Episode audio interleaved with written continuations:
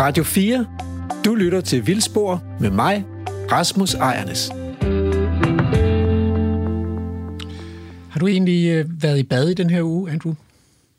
Det er sådan lidt et personligt spørgsmål, at, men har, jeg ved ikke, om vi skal snakke om det her i programmet, er det fordi, jeg lugter? Nej, ja, hvis der er nogen, der Nå. lugter her, så er det mig. Jeg sveder som en hest, der lugter som en gris eller en gedebuk. Nej, det er fordi, at hvis du havde været i bad, så kom varmen fra det, det varme brugsbad nok fra blok 3 på Storstrupværket. Det var i hvert fald en mulighed. Okay. Den ja. blev ombygget øh, for nogle år siden til at fyre 100% med biomasse. Ja. Og så har man fået sådan en 100.000 kubikmeter stor silus til træpiller. Okay. Det er 100.000 kubikmeter, det, det er vel sådan noget, ikke? Det lyder meget voldsomt. Ja. Det bliver så sejlet ind til værket, og sådan, hvor, hvor tror du, de der træpiller kommer fra? Øh, altså mener du et land eller geografisk område? Ja, eller? altså, ja, ja, hvor får man træpiller fra? Sverige. Det er jo muligt. De har i hvert fald en masse skov i Sverige. Det er det. Jeg tror nok, vi er, ret, vi er store importører af træpiller fra de baltiske lande, Okay. Estland og Litauen, og fra Nordamerika. Okay. Det er noget af en tur. Ja, og faktisk er det sådan, at der er sådan en gruppe af estiske forskere, biologer, og sådan, der har klaget til Danmark officielt over, at vi er ved at tømme, tømme deres skove for, for træer. Det er vi lidt træt af. Det kan jeg godt forstå. Ja. Nå, men det, men det pynter jo på øh, det danske bæredygtighedsregnskab. Øh, fordi at biomasse går for at være CO2-neutralt. Mm, okay. Altså det er lidt snyd, fordi der kommer jo kulstof ud, kuldioxid ud af skovsten på Studstrupværket alligevel. Jo, men det er vel også noget med at transportere det, der er vel også... Det, jeg tror, det betyder mindre trods alt. Men, Okay. men altså, men ligesom der kommer kuldioxid ud af at fyre med kul, så gør det det også ud af at fyre med træpiller. Så, så Ja. det, og det tager lang tid for det der, de der træer at vokse igen. Men, øh, men, men øh, vi skal tale om skov i dag. Ja. Øh, det er det, programmet skal handle om. Og om, hvad man kan gøre for naturen i skoven, fordi at Vildspor er jo et naturprogram. Mhm. Kan du huske Wohllebens? Han har skrevet sådan en bog, en tysk forstmand, skrev sådan en bog om træernes hemmelige liv. Det må jeg ærligt indrømme, jeg kender hverken til Wohlleben ham eller, eller bogen. Den- Den, var sådan, den blev meget, det var lidt af en bestseller for nogle år siden. Og det var sådan noget med, at træerne de var sådan nogle venlige væsener, som hjalp hinanden ud i skoven og sådan noget. Så det er en meget positiv historie. Ligesom øh, i Ringenes Herre, Ja, lidt, de lidt der på den måde der også. øh, en- ender der, ikke? Eller Ja. hedder? ja. Fordi der er jo sådan en positiv vibe omkring skov. Skov er i vælten, kan man sige, og, og der er en politisk målsætning om at få dobblet træarealet på en trægeneration. Mm, øh, og de der, men de der træer der, som man planter, de bliver jo dyrket typisk. Ja. Øh, og det har vi snakket om tidligere i Det- programmet her. Yes, det har vi nemlig. Ja. Øhm, og det er ikke så godt for naturen i skoven. Så det er ikke sikkert, at naturen får det bedre af, at vi får mere skov i Danmark. Det skal vi undersøge i dag, hvor øh, reportagen går til Gribskov, hvor Lærke møder lektor ved Københavns Universitet, Jakob Heilmann Clausen, til sådan en samtale om, hvordan man kan invitere de truede arter ind i en forskligt drevet produktionsskov. Hmm. Og så her i studiet, der skal jeg interviewe professor i anvendt økonomi ved Københavns Universitet, Bo Jellesmark Thorsen. Jeg vil spørge ham om, hvad skovene egentlig er værd, og om vi taber eller om vi vinder, når vi lader de gamle træer rådne i skoven. Mm. Og så øh, i dag der starter, den der, starter vi jo med den der første del af reportagen fra sådan en kold martsdag i Gribskov nord for København. Men skal vi have et stykke musik med på vejen? Er Ja, jeg har skov, fundet noget. Skovmusik? Ja, jeg har fundet noget. Jeg har fundet et stykke musik, der bare hedder My Friend the Forest, og det synes jeg simpelthen bare var så fint. Men øh, altså, vi har jo fået lidt hug for nogle gange, at det er sådan noget følejazz, og det er det, er det her. Så lytteren... Ja, men, ja, men der er også nogle meget højt råbende typer, sådan nogle head, øh, headbanger-typer, øh, der lytter til Vildspor. Jeg ved ikke, Ja. hvorfor. Nej. Men det er der altså. Men, men uden at love for Metal. meget, så kan vi måske godt sige til dem, at vi har noget på beding, Mm-hmm. som måske øh, øh, som de bliver glade for. Ja, det kan vi godt sige. Ja. Vi, ja, fordi vi skal jo møde nogle kunstnere til sommer. Det er det, vi satser lidt på, ja. En sommertur. Ja, så, men så, nu siger vi heller ikke mere. Okay. Det skal være en overraskelse. Men lad os lige, vi hører lige lidt My Friend the Forest, og så øh, er vi på reportage.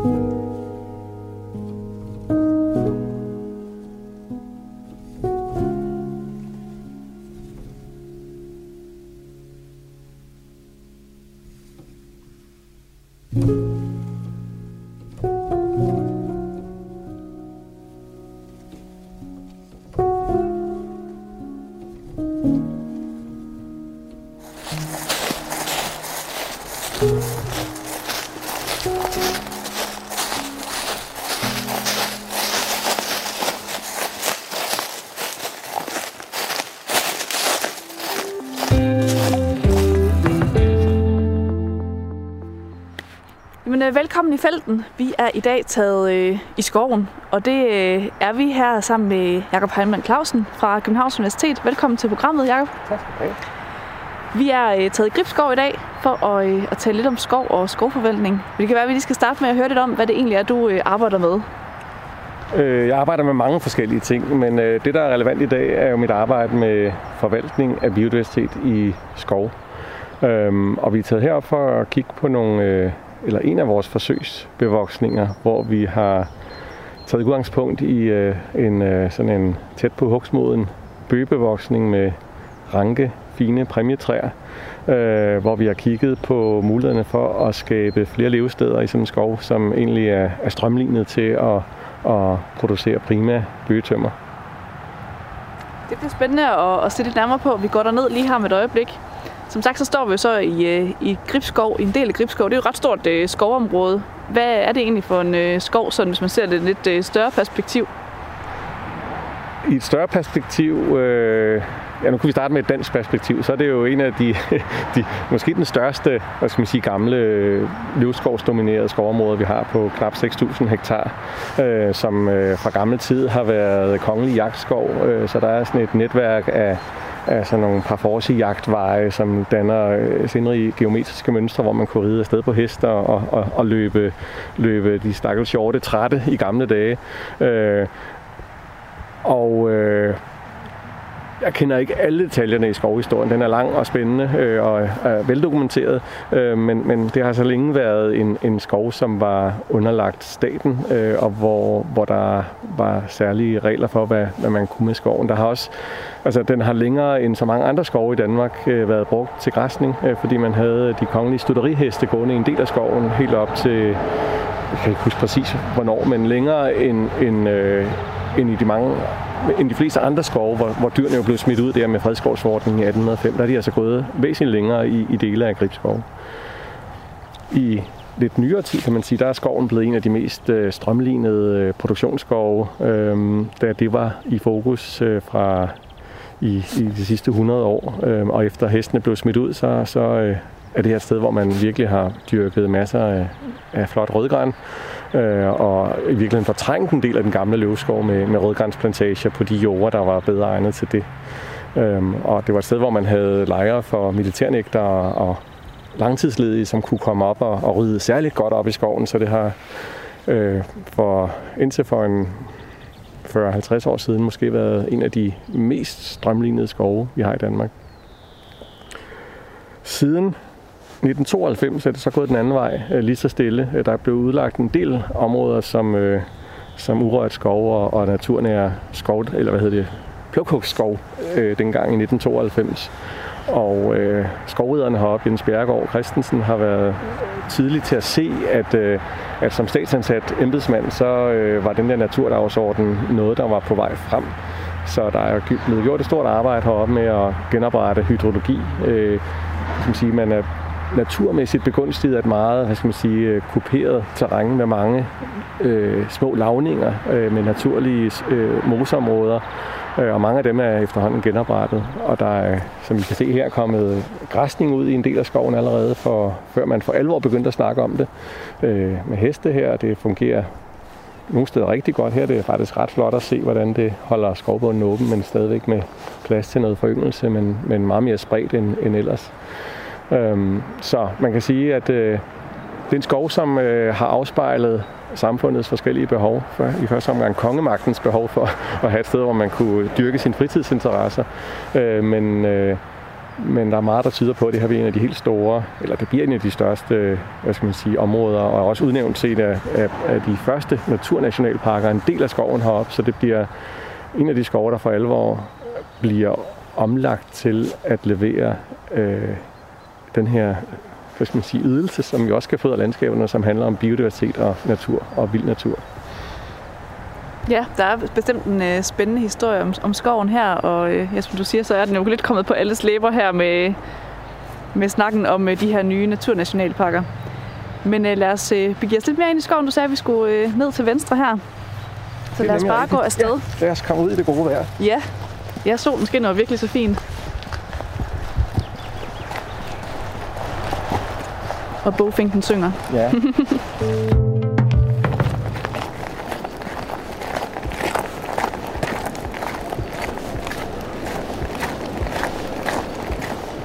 Der kan man se nogle af de her små lavninger, ikke? Som, som, som gør det, som er virkelig et af, et af forserne heroppe. Der er nogle, der er meget større end dem her selvfølgelig, men de findes i alle størrelser.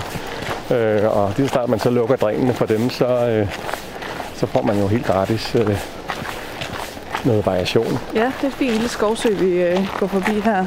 Og man kan se, at den er ny, ny, nyopstået, ikke? Altså, der Ja. står jo øh, egetræer derude i den, som, som, øh, som formodentlig ikke vil have det særlig godt med, at der bliver ved med at være så meget vand. De kommer nok ikke til at synes om det på sigt, nej.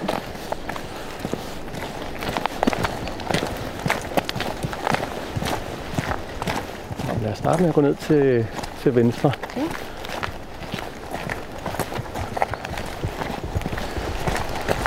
Så skal jeg måske begynde at lægge mærke til, om I ser noget usædvanligt inde til højre her. Det er herinde, vi har været inde og, og manipulere med systemet. Ja, der begynder at ligge øh, lidt væltede stammer, knækkede stammer. Ja, der er de knækket der, de er nu Ja. kommet helt af sig selv. Sig selv. Der står nogle, ikke, øh, nogle græntræer, der formodentlig er blevet angrebet af rodfordærv eller et eller andet, Ja. fordi de er blevet ustabile. Men der ligger også nogle, hvor man kan se, at stuben den er lidt mere lige. Ja, der er nogen, der er skåret.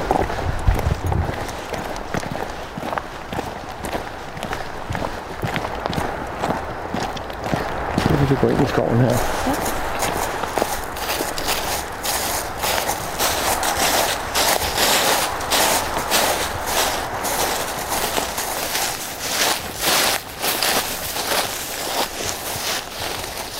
Ja, Ja. så er vi, er vi kommet frem til sådan et mærkeligt stativ, der står her, øh, og som øh, vi har brugt til at hænge insektfælder op på, mm. for at undersøge øh, effekten af, af de her forskellige øh, indgreb, vi har lavet. Og det vi står i, det kan I se, det er sådan en stor lysning her.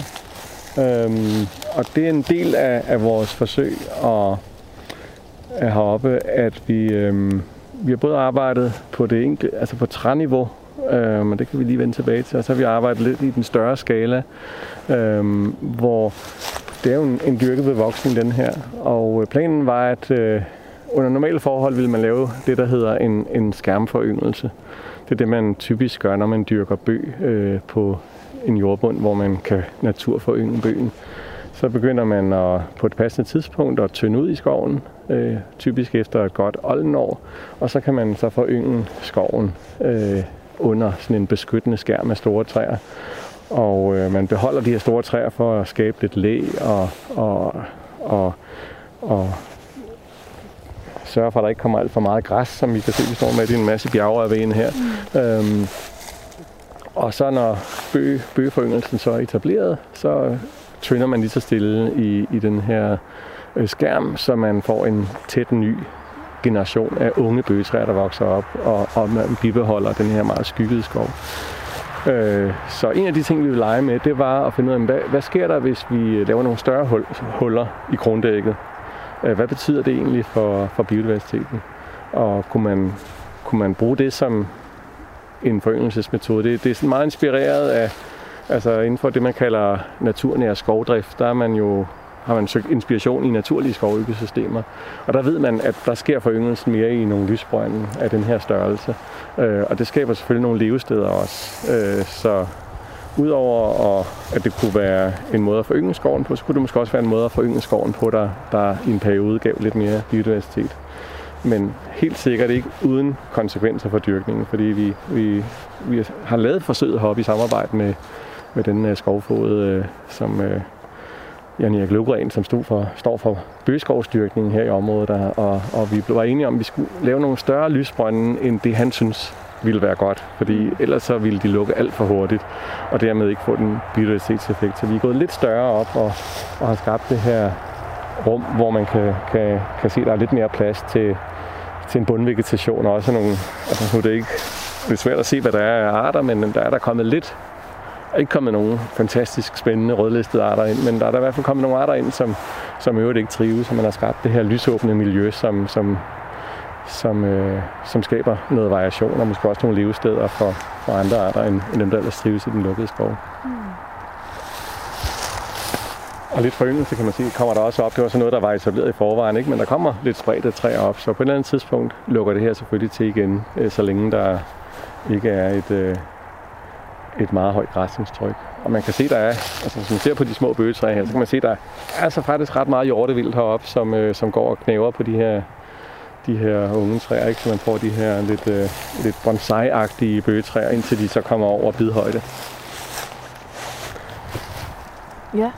Og du sagde, at I så havde undersøgt øh, noget ind til, øh, insektfagnaen her Ja. i, øh, i lysbrønden. Det har vi, ja. Ja. Hvad er der kommet ud af det? ja, det, det har vi ikke øh, analyseret til bunds endnu.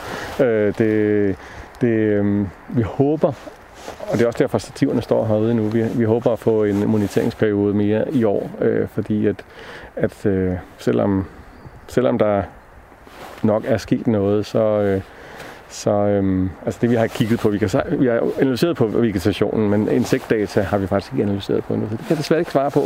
Øhm, det kommer. Vi må lave en spændende version 2 herude fra, så der ja, ja, ja. har jeg nogle resultater derfra. Øhm, det er nemlig det. Men man kan i hvert fald sagtens mærke øh, solens varme, og der er dejligt lag, og der er virkelig gode insektforhold, i hvert fald øh, på den parameter. Øh, lige her.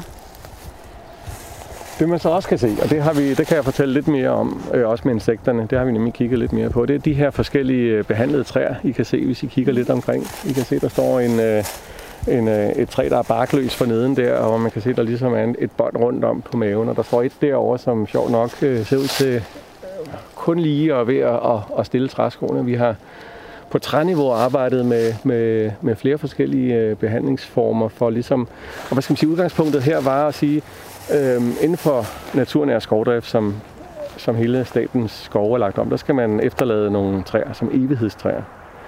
Og øh, hvis man, udgangspunktet er sådan en, en, øh, en velplejet bøgebevoksning her med cirka 100-årige træer, så er der langt mellem træer, der virkelig for alvor på den korte bane kan levere nogle levesteder øh, for, for arter, der normalt er knyttet til træer, der måske er 200 år gamle. Mm. Øhm, så når man nu efterlader nogle træer i sådan en dyrket skov, så tænkte vi, hey, kan vi gøre et eller andet, så de hurtigere leverer det, de egentlig er ment til biodiversitet. Øh, så derfor har vi testet øh, tre forskellige behandlingsformer, eller faktisk fire, fordi vi også bare lagt nogle af dem ned som dødt ved. Det, det kommer vi til at se senere. Men her kan I se nogle af de her ringbakkede træer, som ret hurtigt bliver til stående dødt ved. Øh, de har selvfølgelig ikke så lang levetid, øhm, men, men stående dødt ved er, er interessant for en masse vedboende biller. Øh, og selvfølgelig øh, også for, for de arter, der lever af billerne, sådan noget som spætter og spætmejs og andre, insekt, øh, andre fugle, der, der søger deres øh, føde på sådan nogle træer, der er døde.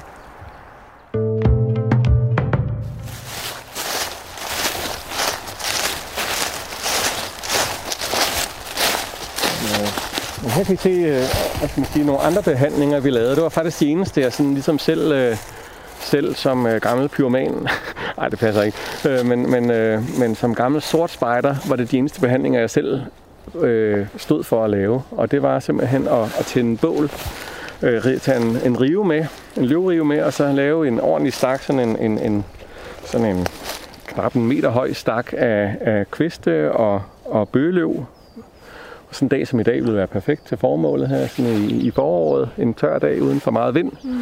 Og så lige en gasbrænder på, og så kan det stå der og, og, og brænde og ulme i en 20 minutters tid og, og lave sådan en, en skade, der går der, der i, i, i større eller mindre omfang går ind i, øh, ind i træet og, og slår, øh, slår hvad skal man sige, en del af vedet ihjel. Øh, men uden at egentlig for alvor svække træet.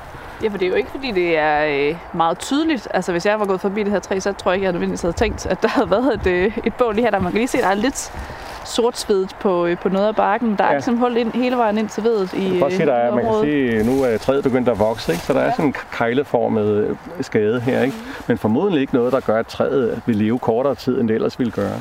Nej. Øhm, så tanken er her at, at skabe mulighed for, at øh, altså på den korte bane, at der kan komme insekter ind, øh, men også at give plads til, til svampe, øh, som efterhånden kan, kan skabe et, et, øh, et rådent parti i stammen.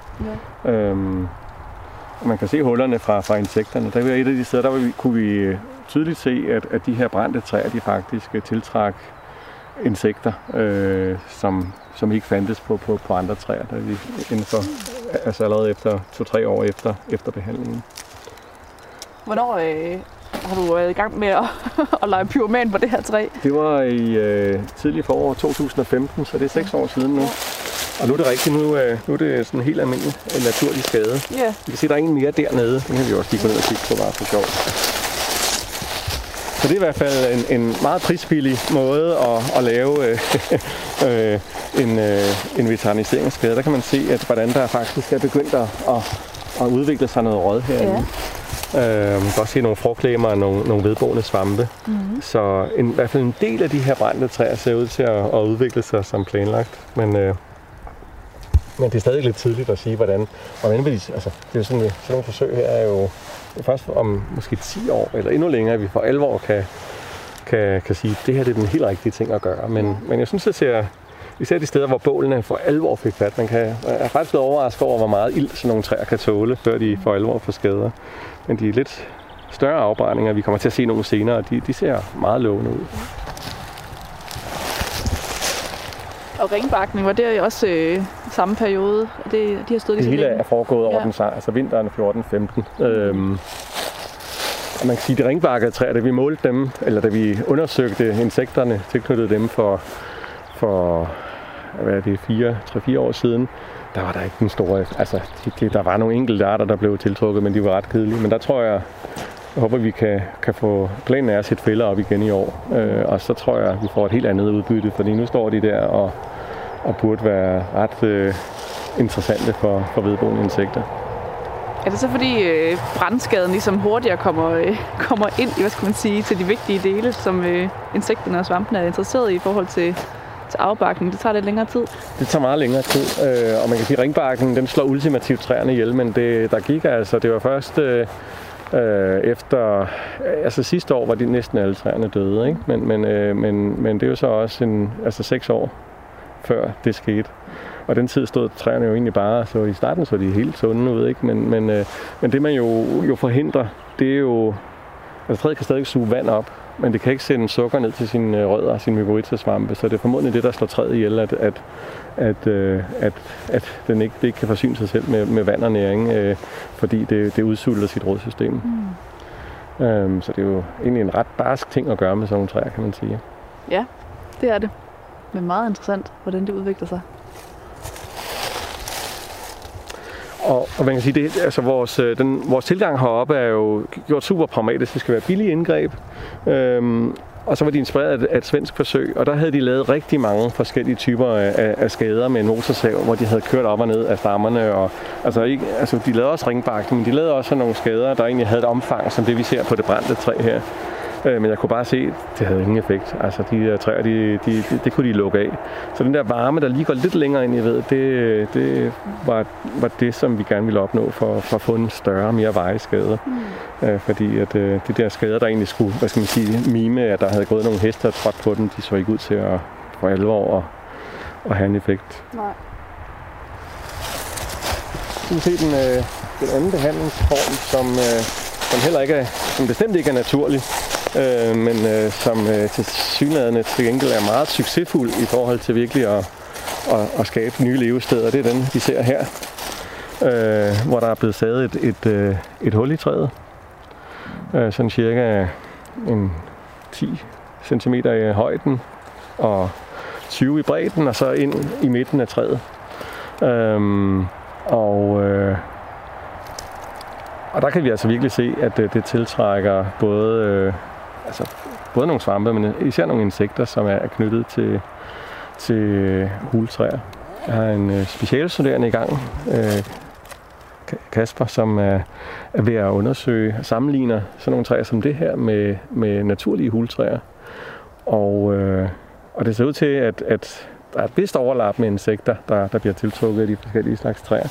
Men, men der er faktisk endnu flere individer i, i de her kunstige hultræer, end der er i naturlige hultræer. Og øh, der er fundet flere hvad skal man sige, rødlistede arter, også en kritisk truet art i et enkelt eksemplar, godt nok kun en, en urskovssmælder, som han har, har fundet i, i fælderne, der var sat op på, på nogle af de her kunstige hultræer. Så det ser ud til, at, at, øh, at vi med nogle ret simple midler faktisk har skabt øh, nogle levesteder, som ellers er, er meget fortal i, i, i en god dyrkningsskov. Urskovsmiller, det, det leder virkelig tankerne hen på hårdt, noget ikke? gammel, gammel skov. Ja. Det er jo fedt, og så Ja. øh, relativt nemt et indgreb. Ja. Jeg ved ikke, øh, nu tænker jeg noget pattedyr, der har været i gang her, om det så er menneskebarn, eller om det rent faktisk er et lille dyr, der har samlet alle de her... Øh, Eller det, det her, Bog. den her hulhed er fyldt med bog, Ja. øh, og jeg ved simpelthen ikke, altså det jeg håber vi igen, altså det, planen er, at vi skal ud og undersøge det igen i år. Øhm, og så måske få beskrevet sådan nogle ting. Da jeg har set andre steder, er der kommet fugleredder. Mm. Øh, her er der fyldt med bog, og om det er nogle mennesker, eller hvad det er. ja, det er jo så spørgsmålet, et godt om der har spørgsmål. siddet en lille mus her, eller om det... Ja, ja. Øh, men i hvert Er fald kan vi også se svampeforglemmer derinde. Øhm, og der bliver dannet sådan et, et Mhm. fyldt med liv herinde, og, og, og, og, det, og der er jo ingen tvivl om, at det her også vil på sigt begynde at sprede sig som en, et, altså, altså skabe et, et, et hul træ hen ad vejen. Og det er så lidt på samme måde som med afbrænding. Det, det kommer heller ikke til at dræbe træet sådan lige fra, øh, Det, fra det ene det er jo noget mere voldsomt indgreb, men øh, indtil videre er der ikke nogen af vores øh, træer med kunstige hulheder, der har taget billetten. Nej. Øhm, og, og hvor meget det svækker træet i en voldsom storm. Vi har ikke haft nogen voldsom storm siden. Det, det er jeg spændt på, men, men, men øh, vi håber, at, øh, at de kan holde sig i live i mange år og, Mm. og udvikle sig som værdifulde habitater. Ja, super spændende. Mm. Men lad os øh, gå op igennem bevoksningen, og så har vi nemlig en anden type af lysbrønd, som vi lige kan kigge på. Så kommer vi også forbi flere af de her behandlede træer, så vi kan, kan se lidt af variationen.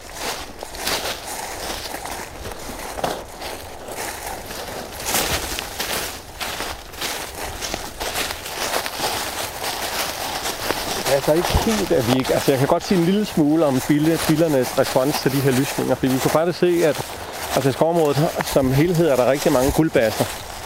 Og øh, mængden af guldbasser var markant større i lysningerne, også selvom øh, der ikke egentlig var, var hvad skal man sige, øh, noget, de for, for så vidt kunne leve af. Øh, men øh, det var helt tydeligt, at de, de sværmede mere i de åbne områder, end, end i de fælder, vi havde stående i den lukkede skov.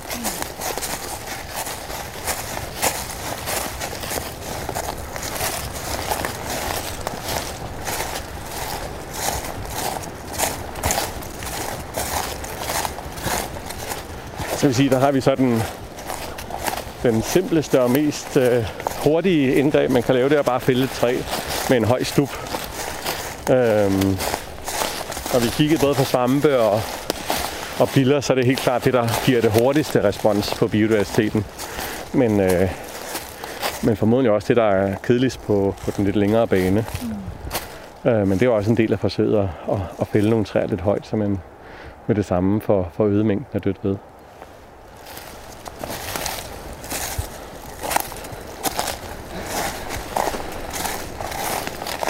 Eller der har vi et brandtræ mere, det kan vi lige. Det, der er kommet en lidt større brand der. Lad os stoppe og kigge på det. Så skal vi også kommet helt tæt på et ringbarket træ her. Der kan se, der er allerede begyndt at falde grene ned fra, fra kronen af det her træ. Fyldt med. Der har vi, det er jo meget. Der har vi i hvert fald hårde læderporesvamp her. Det er en helt almindelig art på sådan nogle, noget soleksponeret dødt ved. Og de her almindelige kuljordbær der. Og noget, øh, noget ledersvamp. Jeg tror, det er, at de er lidt tørre her på den her årstid. Men, men der er hurtigt nogle arter, der, der flytter ind. Og der er sikkert også nogle øh, biller i det her ved. Men øh, ja, det, det er ikke mit felt. Det har jeg folk til at, at kigge på insekterne. Men herover har vi netop det ringbakket træ, og det er et af dem, det har været dødt nogle år det her trods alt. Øh, men man kan se, at det har haft tykkelsesvækst efter, efter ringbakningen skete. Mm. Og øh, ja, jeg er lidt, altså det, det, der er nogle små huller fra, fra, fra biller øh, i træet, og der er fyldt med, med mere kuljordbær her over stedet, ikke? og det er jo Kuljordbær er jo sådan en svamp, der er til stede inde i levende træer i hvilestadier.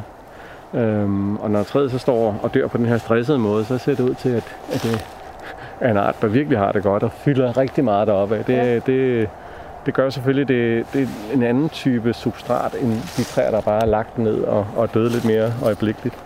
Øh, så udover at, at det står op og dermed tørrer mere ud, så er der altså også nogle andre svampearter, der, der starter nedbrydningsprocessen og, og dermed øh, hvad skal man sige, åbner op for et helt andet successionsforløb af, af de øh, organismer, der nu er, er, er knyttet til, til sådan noget dødt ved. Og, og fra de svenske forsøg kunne jeg i hvert fald se, at når der så går måske yderligere 10 år, og de her, de, de her ringbakketræer er væltet, øh, fordi lige nu går nedbrydningen super langsomt, fordi det er så tørt, og fordi det er de her, de her kernesvampe, mm. øh, som, som kuljordbær kalder man den gruppe af svampe, de er super langsomme nedbrydere.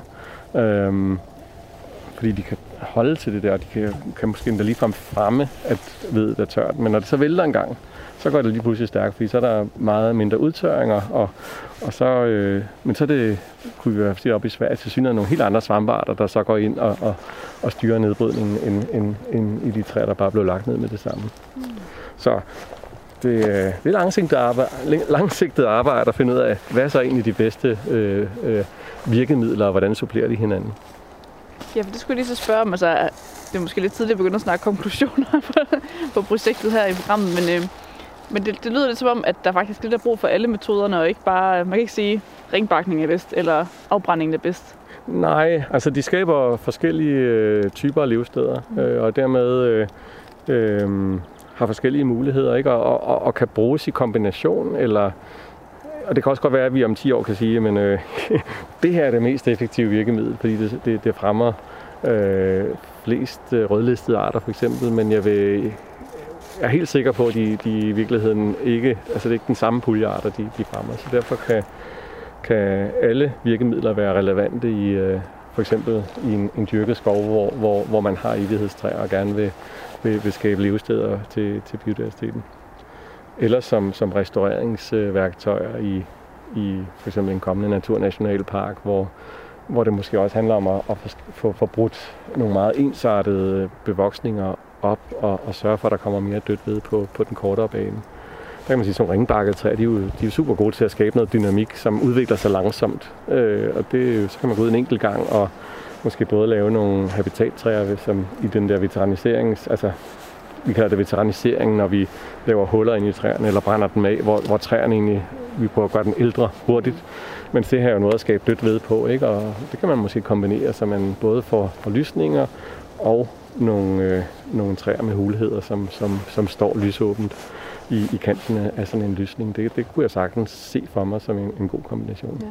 Og det er klart, at tidshorisonten har, det, har, en, øh, har virkelig noget at skulle have sagt. Hvis det skal gå hurtigt, så var det de direkte fældede træer og hvis ja. man har det længere tid til at se resultater, så øh, vil vi måske hellere tage nogle af de her lidt langsommere processer med.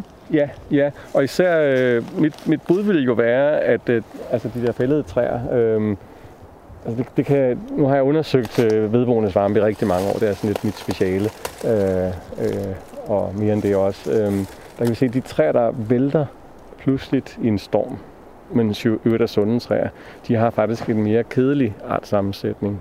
Kedelig. Altså, der er færre af de rødlistede arter på dem, sammenlignet med træer, der, der har haft en lang dødsproces. Øh, så mit bud vil være, at vi får godt nok en masse arter, når vi fælder træerne hurtigt, men, men det er egentlig ikke nogen arter, der for alvor har brug for, at vi gør noget for dem. Der tror jeg mere på, på nogle af de andre virkemidler, men det er indtil videre bare øh, baseret på, på, på min brede erfaring, at jeg kan sige det, fordi vi har ikke data for det endnu. Nej. Og her er også et flot øh, brandtræ her, hvor det måske er lidt mere markant.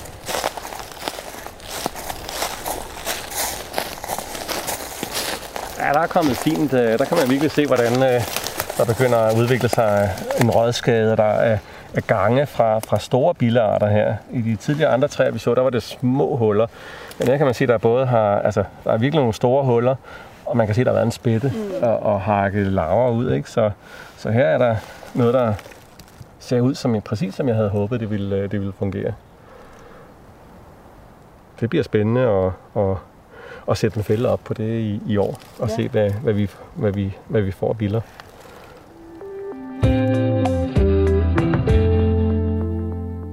Så er vi tilbage i studiet, og jeg har fået hul igennem på Teams til øh, professor Bo Jellesmark Thorsten fra Københavns Universitet. Velkommen til Vildsborg. Tak skal du have, Rasmus. Altså, du forsker i anvendt økonomi. Øh, det er jo også sjovere end i uanvendt økonomi. Men, men du er også institutleder for det institut, som hedder Institut for Fødevare og Ressourceøkonomi. Altså, kan du ikke lige fortælle os, hvad er det for nogle spørgsmål, I arbejder med på det institut? Øh, Det er rigtigt. Øh, På det institut, der arbejder vi med økonomiske, politiske og sociologiske spørgsmål i relation til øh, vores øh, anvendelse og beskyttelse af naturen og naturressourcerne. Mm-hmm. Vi, har, vi dækker alt fra landbruget til biodiversiteten.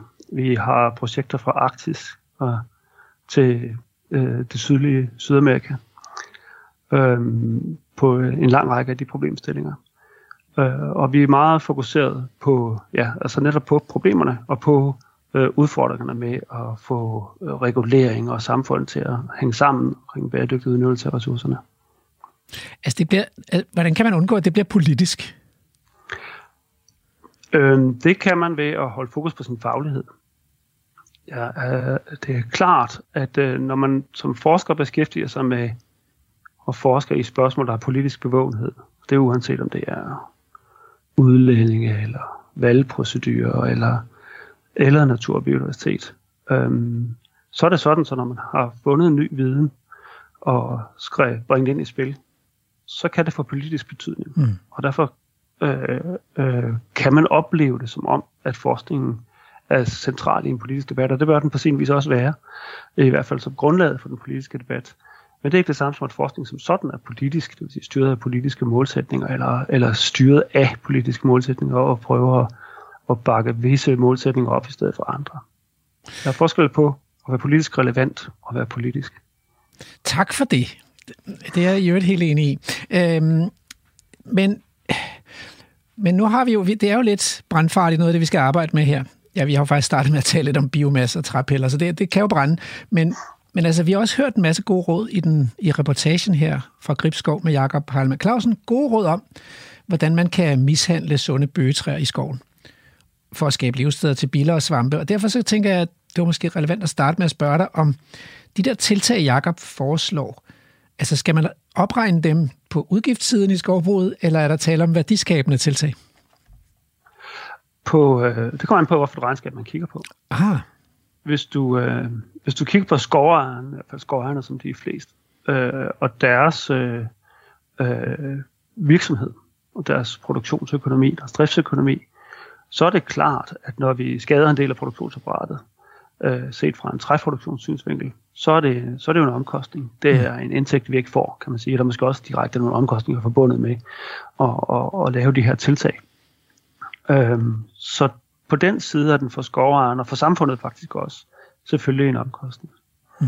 Så kan det være, at effekterne af den, øh, at der kommer mere artsdiversitet, at øh, skovene bliver mere artsrige, øh, det kan man det kan have en samfundsøkonomisk værdi for os som mennesker, at, øh, øh, at, vi, at, vi, øh, at vi oplever det og sætter pris på det. Der er også forskel på skovejere, og vi også der færdes derude ikke, og kender øh, variationen derude, ved også, at der også er ejere, der selv beskytter og bruger øh, kræfter på, og dem også ressourcer øh, på at beskytte naturelementer på deres ejendomme. Og det kan de jo gøre det kan de jo gøre, fordi de synes, de gerne vil gøre det godt for os andre. En form for altruisme, filantropi, om man vil. Ikke? Men de kan også gøre det, fordi de simpelthen selv personligt øh, øh, sætter pris på det, og, og synes, det har en værdi for dem i at passe på deres ejendom på den måde også. Men, men jeg er sådan lidt, jeg kan ikke rigtig, jeg bor i Jylland, men jeg kan ikke prale af, at jeg er jysk, men alligevel måske lidt snusfornuftig, og tænker jo, at, at penge det er bedst, når man har dem i lommen. Ikke? Øhm, og, og jeg kan godt forstå, hvordan man kan få penge i lommen med at sælge nogle gode kævler til, til træværket, ikke? Men altså, de der biller de der svampe, de, altså, kan, bliver de nogensinde til rigtige penge? Det gør de jo i den... Øh, øh, de bliver ikke til indtægter for os, kan man sige, ikke? Men de bliver til rigtige penge i den forstand, at hvis vi vælger at bruge ressourcer på at beskytte dem, så er der nogle rigtige penge, vi bruger på det, eller nogle rigtige penge, vi ikke tjener, mm. som vi derfor ikke kan bruge på andet. Vi er villige til at reducere forbruget af andre ting, for at beskytte de her arter, hvis det er det, vi vælger at gøre. Så det afspejler sådan set rigtige penge et eller andet sted. Rigtige nytte, rigtige forbrugsmuligheder, set fra sådan en klassisk økonomisk teoretisk synspunkt. Okay. Så det er der, de rigtige kommer penge ind. Det er inde på, hvad du giver op, siden, kan man sige. Ikke? Og det er jo ikke, det er jo ikke unikt for, for natur og biodiversitet at have den slags synspunkter, eller have den slags værdier. Spil der er mange ting, vi er parat til at, at afholde omkostninger for øh, at beskytte. Ikke? Alt lige fra demokratiske værdier til kunst og kultur og til natur og biodiversitet. Jeg kan huske på øh, øh, ved Jernhatten på, på Djursland, det er sådan en rigtig fin øh, botanisk lokalitet, og det er også et godt sted at fiske. Og der, der var sådan en parkeringsplads, og så, og så var det sådan, at at den, ham ejeren, der havde jorden der ved parkeringspladsen, han satte sådan en, en automat op, hvor man kunne putte penge i automaten, hvor der var sådan en lille skilt om, at hvis man parkerede her, så ville han altså gerne have, at man lige betalte lidt. Ja. Men det er jo ellers ikke noget, man ser øh, i Danmark, at man sådan tager entré i forbindelse med naturværdier. Vel? Altså, jo, man skal betale penge for, hvis man vil ud og skyde et, krondyr, ikke? så skal man betale for det. Men hvis man vil ud og se en sjælden bille, så, så skal man sjældent betale for det. Nej, ikke andet den tid og penge, du selv bruger på at komme. Ja hen til den, ikke? Og for nogle mennesker, der er det ikke noget, de bruger tid på, og for sådan en som dig, er det nok en hel del af det, du bruger tid på. Ja, altså især svampe, men jeg, jeg er ikke kommet så langt med bilerne. men det, er rigtigt. det, afspejler, det afspejler værdi for dig, ja. eller værdi for andre, ikke? I, den, i den tid, de ressourcer, som de er parat til at bruge på, ja. på, det, øh, på den slags oplevelser. Jeg kunne godt tænke mig at teste noget på dig, fordi ja, det er jo ikke hvad er det? Jeg tror, vi har forsømt økonomi lidt i det her program, og det, det skal vi komme efter det, men jeg vil gerne teste, jeg synes, jeg har hørt en gang, ikke, at, at økonomer egentlig har sådan en grundregel, der hedder, at jo sjældnere noget er, jo mere værd er det. Er det rigtigt? Altså, at det sjældne er mere værd end det almindelige, sådan som hovedregel? Børnepolio er også blevet sjældent, har jeg hørt. Hvad for noget? Børnepolio. Uh, damn. Ja. Så det handler om, at ting skal være efterspurgt. Ikke? Det jo. handler om, at, at, at hvis det er noget, folk gerne ønsker, folk ønsker at have, at forbruge, at have tæt på sig eller andre ting, og det er svært at komme til, det er i begrænsede mængder, ikke? så tenderer det til at få en høj værdi. Ikke? Øh, men, men hvis det er noget, folk ikke ønsker at have, så er det jo anderledes. Men det lyder som en meget usikker videnskab, øh, du, som du er indenfor, fordi, fordi det kan jo ændre sig. Altså, ja. om, om 10 år, ikke? Altså, nu har vi lige haft en, en udsendelse, der hed Giv os naturen tilbage, og nu er blomsterfrø, frø af vilde blomster, det er pludselig kommet virkelig højt i kurs, ikke? Det var det ikke for to år siden. Øh, så det ændrer sig, hvad der er efterspurgt? Ja, selvfølgelig. Okay. Men det, det kan I godt øh, arbejde med? Det, det, det kan vi jo sagtens leve med. Ja. ja. Okay. Nå, men... men øh, som mennesker og disciplin. Nå, jeg, vil gerne, jeg vil gerne tilbage til de der skove. Altså, er det en god forretning at drive skovbrug i Danmark? Øhm, det, det er en fornuftig forretning. Øh, skovbrug i mange lande er ikke karakteriseret ved at være et, øh, et, øh, et erhverv, der har et højt afkast. Det er til gengæld karakteriseret ved at være et erhverv, der har et ret sikkert afkast. Mm. Det er langsigtede investeringer, det er stabile øh, investeringer, det er en, en form for produktion, hvor, hvor langt det vigtigste element, det er den kapital, der nu står derude, altså træerne, der står derude. Kapitalen gror af sig selv. Det bliver større hvert år, det bliver tykkere hvert år, det bliver mere værdifuldt i hvert fald til, til et tidspunkt, øh, hvor, hvor, hvor væksten aftager, eller forældelse, eller kvalitetsproblemer sætter ind i, i vedmassen. Ikke? Mm. Men det er typisk et erhverv, der har en gal, relativt lav forretning, men det er fordi, det er et ret sikkert erhverv. Sikkert investeringsobjekt. Øh, okay.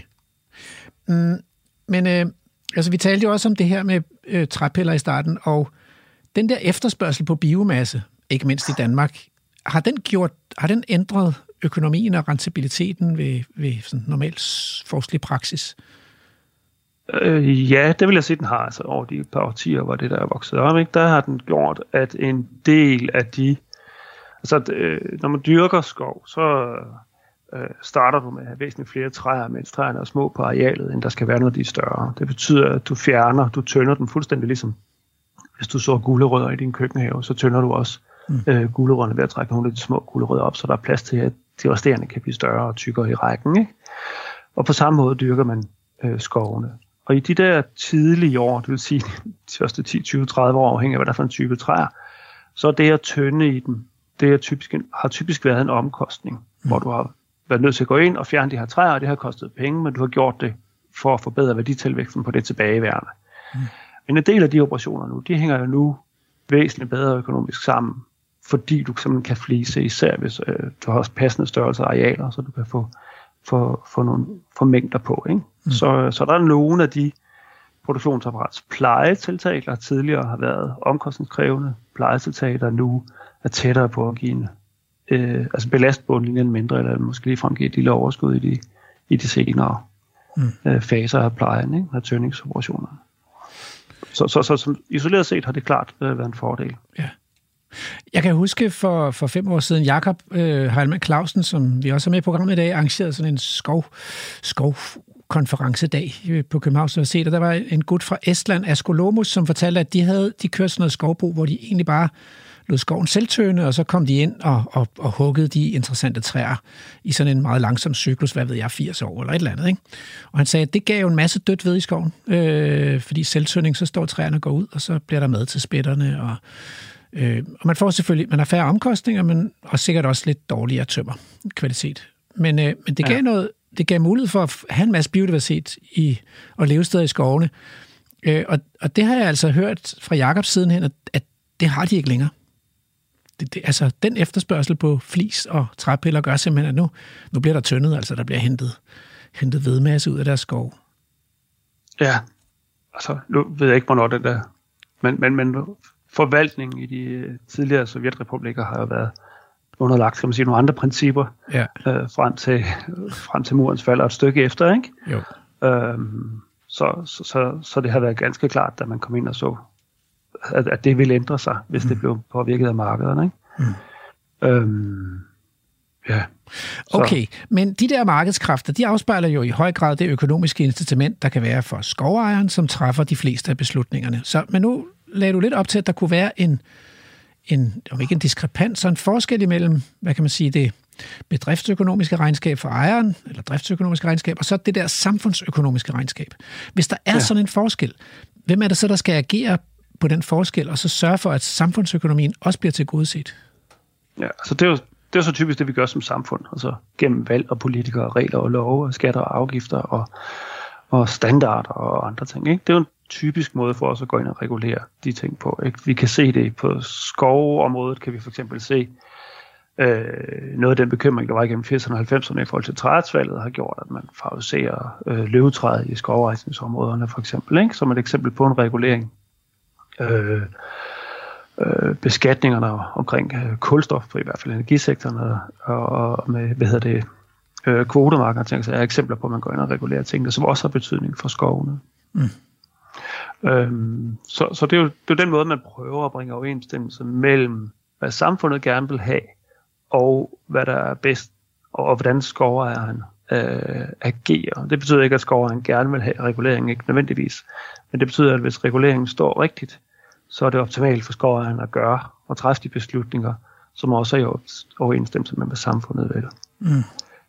Det er ideelt set det, ja. man vil gøre. Ikke? Jo. Praksis er så noget andet, ikke? fordi det er ikke bare super nemt lige at gøre. Nej. Altså, øhm, det, det er også svært ikke at komme ind på her, at Danmarks største skovejer jo er staten. Ja. Og de, så de har jo den dobbeltrolle, at de på den samme tid på en eller anden måde skal varetage samfundsøkonomiske hensyn, og så som stat, og så har også en driver en produktionsvirksomhed. Øhm. Ja. Altså, produktionsvirksomheden er også et samfundsøkonomisk hensyn. Okay. Det er jo ikke sådan, så produktionen ikke er samfundsøkonomisk relevant. Er slet ikke nu, hvor vi på mange måder øh, gerne vil bruge mere træ. Ikke?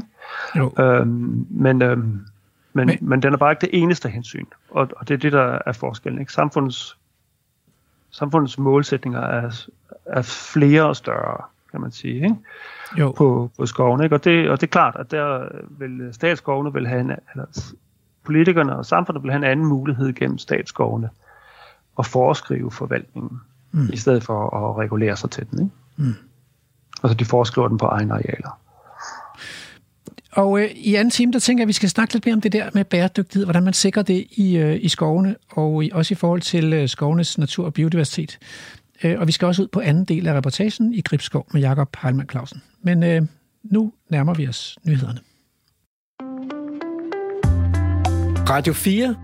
Du lytter til Vildspor med mig, Rasmus Ejernes. det er nemlig rigtigt. Og i dag handler Vildspor om øh, skovene, og om man kan dyrke skovens natur, eller give plads til den i skoven i hvert fald.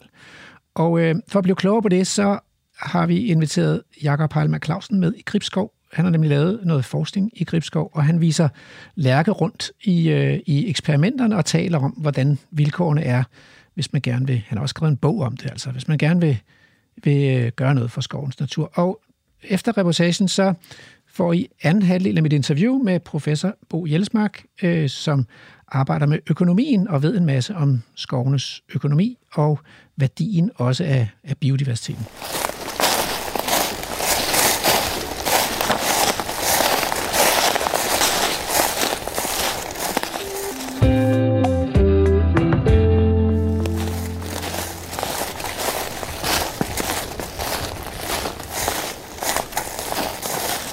Så har vi øh, en anden lysbrønd her. Øh, men den er så ikke blevet helt som øh, efter bogen. Øh, fordi man har efterladt øh, et par træer. Den har sådan en stor rødgran inde i midten, som man ikke ville fælde, fordi der var en, øh, jeg tror, der var en rovfuglerede i, i træet. Og der står også en tvege derovre, som vi også valgte at, at lade stå. Men ellers har vi i princippet en, en, en lysning af samme størrelse som den første, vi var i. Men med den forskel, at øh, her de, de fældede træer blevet efterladt. Så man kan sige, det er, er et indgreb, som måske er mindre relevant i en dyrket skov, men, men, men meget relevant i en situation, hvor man øh, skal fremme struktur og biodiversitet i en, en kommende øh, urørt øh, skov eller naturnationalpark. Så, så her har vi virkelig skabt både lys og masser af dødt ved øh, for, for forskellige vedboende arter. Øh, plus rum til en masse ørnebrænd. De var her nu, nu i forvejen, ikke? men igen kan vi se, at der, der er en mere yppig vegetation, og, og der er nogle få bøgetræer, der faktisk er kommet op over, over bidhøjde, og som måske vil vokse op og blive meget mere bredkronede træer i, i, i en fremtidig skov.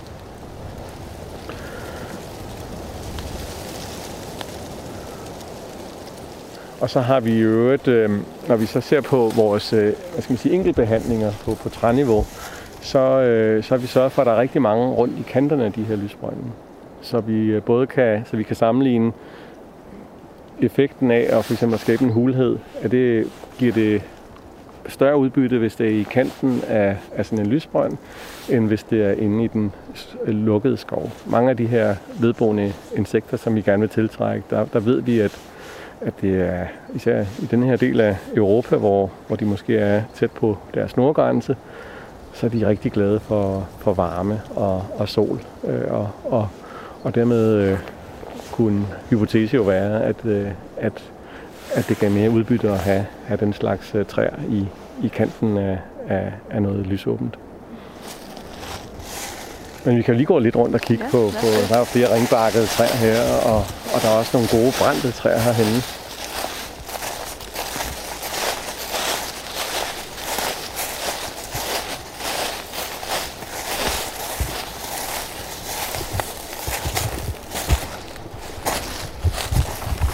Kan sige, der er tynd og svamp begyndt at komme frem her, og det er jo sådan typisk, altså hvad skal man sige, det er en ganske almindelig art, men en, en, en, en man kan godt sige, det er en nøgleart i naturlige skovøkosystemer ved at, og den findes ligesom kuljordbær, som jeg nævnte, så har man påvist, at den er faktisk super almindelig inde i sunde træer. Øh, men først når, når træerne, altså i hvilestadier, ikke? men hvis træet så svækkes, hvis der falder en stor gren af i en storm, eller eller træet er virkelig stresset af tørke, så bliver de her hvilestadier aktiveret, og så begynder svampen at vokse. Øh, og dermed er den med til at skabe dynamik i skoven. Og så er der en masse biller, der, er, der lever af enten frugtlægerne eller det ved, den nedbryder. Det er jo sådan, at, at de biller, som vi siger er vedboende, langt de fleste af dem, de er jo egentlig græsser på, på svampemycelie, eller, eller lever direkte af, af svampefrugtlægerne, så de, kan ikke selv, de har ikke selv, hvad skal man sige, de enzymer, der gør, at de kan æde træ. Øhm, nogle få af det har, har snuppet noget fra nogle svampe eller nogle bakterier, eller har nogle bakterier i maven, der hjælper den. Men de fleste af dem skal faktisk øh, spise svampehyfer for, for at leve.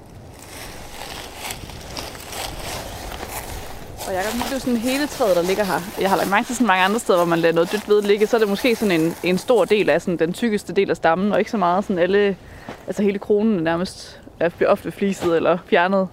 Har det no, er det vigtigt at have, have kronen liggende også? Er der nogle arter, der er tilknyttet den del også?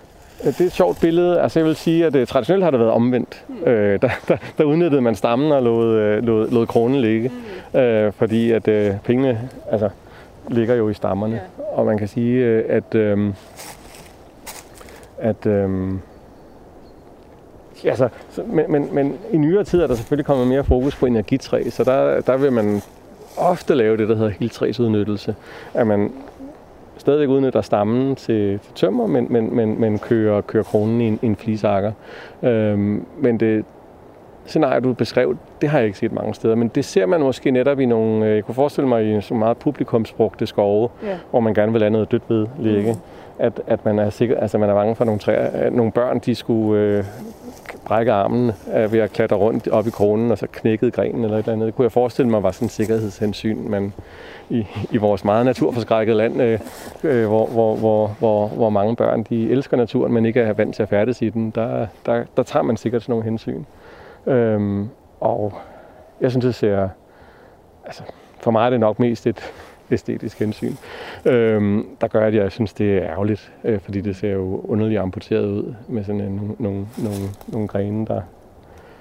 Jeg vil nu egentlig tro, at det i virkeligheden appellerer endnu mere til, at man kravler ud på de der grene, hvis, hvis, hvis der ikke er alle mulige kviste, der er i vejen. Men øh, det er en helt anden diskussion. Men rent biodiversitetsmæssigt er det ikke den helt store problemstilling, fordi der er masser af, af, af dødt ved af små dimensioner i skovene stadigvæk. Øh, selvfølgelig, hvis vi kommer hen et sted, hvor man virkelig for alvor går til den med energitræ, så kunne det måske blive et problem. Men, men fordi sådan nogle træer har det, der hedder selvtøning, øh, når de bliver lidt gamle, så begynder der at falde grene ned og den slags, så er der næsten altid hvad skal man sige, dødt ved af små dimensioner. Og selvom der er en masse arter, der er afhængige af det, så er det også vist sig, at, at, øh, at de arter generelt er mindre følsomme over for, for altså, de, de er simpelthen mindre krævende i deres, sub, sub, i, i deres habitatkrav. Øh, så i hvert fald i Finland og, og Sverige, hvor man har kigget meget på det her, fordi man har et større fokus på energitræ og heltræsudnyttelse, der kan man sige, at mm, hvis man virkelig går til den, så er det et problem. Men det er altså de store dimensioner af dødt ved, der er, er de vigtige, og, og, og som der er mangel på i, i skovene. Så på den korte bane er det ikke noget problem.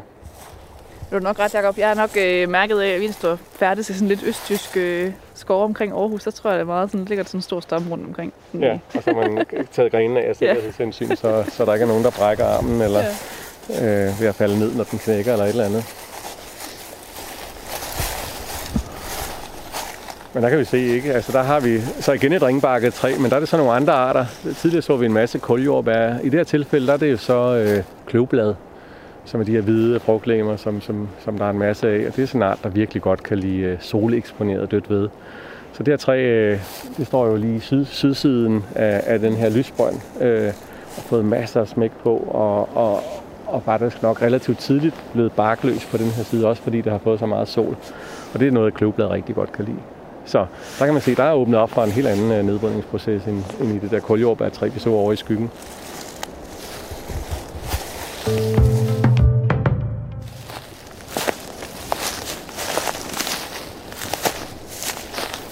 Og der har vi et brændt træ mere. Der er også godt gang i, øh, i billerne her. Der er en lidt mellemstørrelse billehuller, vi har. Nu er jeg jo ikke rigtig forstand på det, men der, der findes jo... Jeg har faktisk en bog derhjemme, hvor man kan i princippet kan se, hvad det er for nogle billeder, man har, efter hvordan deres huller ser ud. Mm. Uh, men uh, der er også kommet nogle rigtig store nogle ind her. Store, ja. ja, ja. Så det er også... Uh, det ser godt ud. Det lykkedes, det her. Mm. Dejligt. Det er jo rart, når man står og brænder et træ af til måske... Øh, altså, det er jo i virkeligheden vores øh, skovfod før, øh, fra før, som fik lov til at, at vælge, hvilke træer vi skulle behandle. Men det jeg ikke helt havde fortalt ham, det var det her med, at vi også ville tage de her randtræer. Øh, så lige i, i det her lysbrønd, der er det, hvis vi kigger rundt her, ikke? Altså i en dyrket skov, der var nok ikke de her træer, øh, de her tre meget flotte, ranke, velvoksne bøgetræer, man, man ville have valgt at, at sætte ild til. Øhm, fordi det er faktisk sådan nogle gode, øh, jeg tror nok, der i hvert fald i den anden derovre kunne være en, en såkaldt ægkævle, øh, som man kunne sælge til, til den højeste pris på, på, på savværket. Øhm, og hvad kan man sige, i et ikke-forsøgsscenarie, der var det nok ikke sådan nogle træer, man i en dyrket skov ville, ville gå ind og, og herve på den her måde. Der ville man nok vælge nogen, der i forvejen øh, ikke havde alt for god fasong, eller havde en masse grene langt nede, eller et eller andet, så de, de ligesom ikke har så høj kvalitet. Men i videnskabens tjeneste, der har vi altså virkelig brændt nogle, øh, nogle præmietræer af her.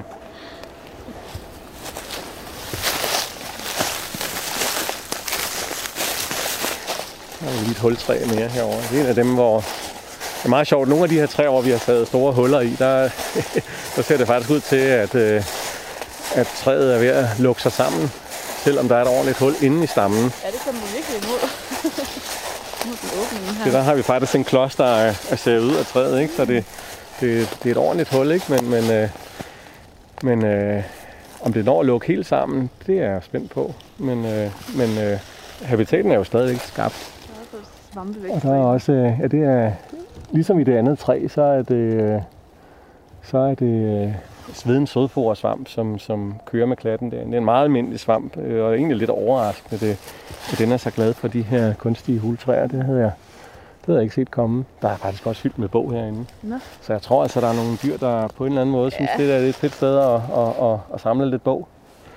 Øhm, og det er jo sådan noget, der bidrager til at, at skabe et miljø. Mm. Øhm, ja, det kunne være spændende at også bruge noget eDNA til at kigge på, hvad, hvad pokker det er for et miljø, der er derinde, hvad det er for nogle organismer, der bruger det. Ja. Ja, der er simpelthen fyldt med bog. Det er, tror jeg ikke på, at det er børn. Mm, nej, nu er vi også lidt længere væk fra, øh, Ja. fra stierne. Og det er sjovt. En pokker kan slæve bog derovre. Det kunne også, jeg ved ikke om det Jamen, Det vil næsten kun være øh, nogle mus, er det ikke? Eller hvad? Jo. Ja, Jeg har i hvert fald oplevet derhjemme, at øh, have en fuglekasse, der var fuldstændig fuld af, af bog. ja, ja, og ja. virkelig smiger bællesten i det her Ja, tilfælde. ja, ja, ja.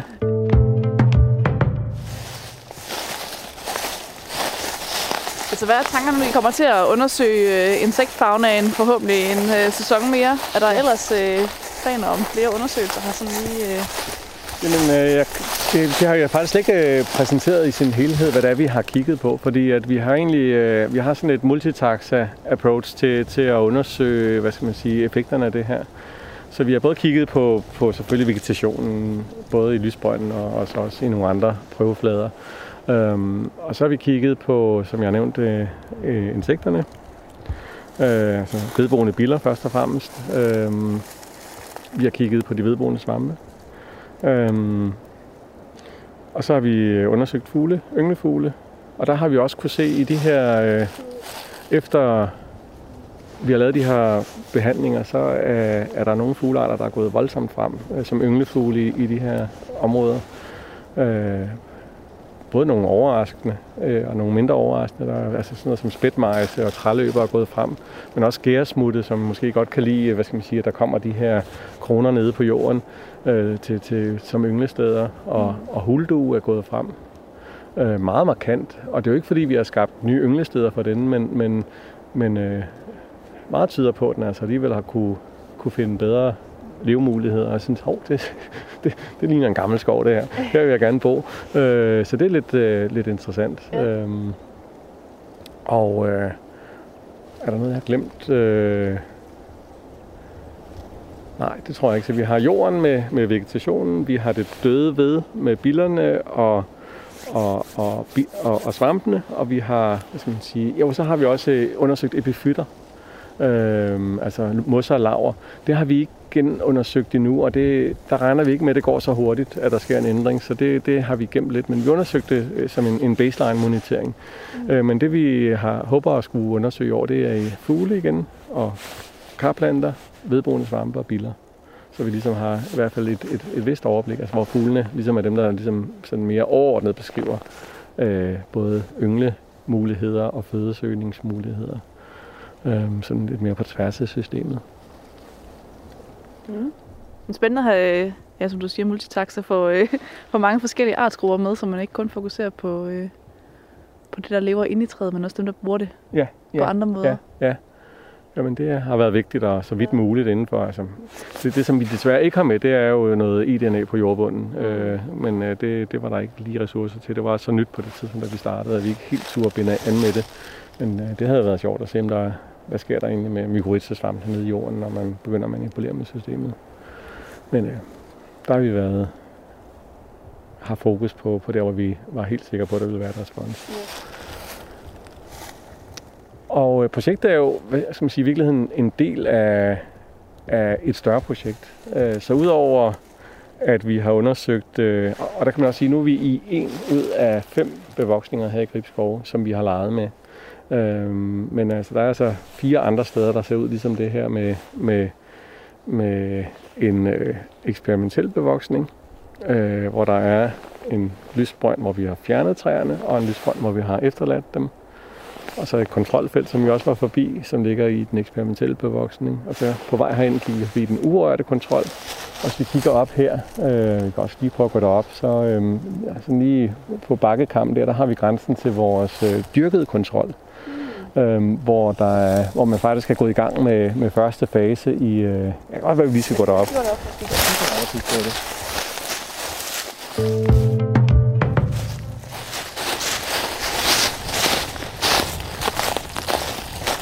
Og så heroppe, der har vi vores, øh, vores styrkede kontrolbevoksning. Og der kan I se, der er en del øh, ret friske stød. Så de blev, øh, træerne her blev fældet på helt traditionel vis, samtidig med, at, øh, at træerne blev behandlet ind i den eksperimentelle bevoksning. Og der vil sige, der er den altså væltet vores, øh, vores midtpunkt her. Ja. Øh, så den skal vi lige have genoprettet, hvis vi skal i gang. Øhm, men øh,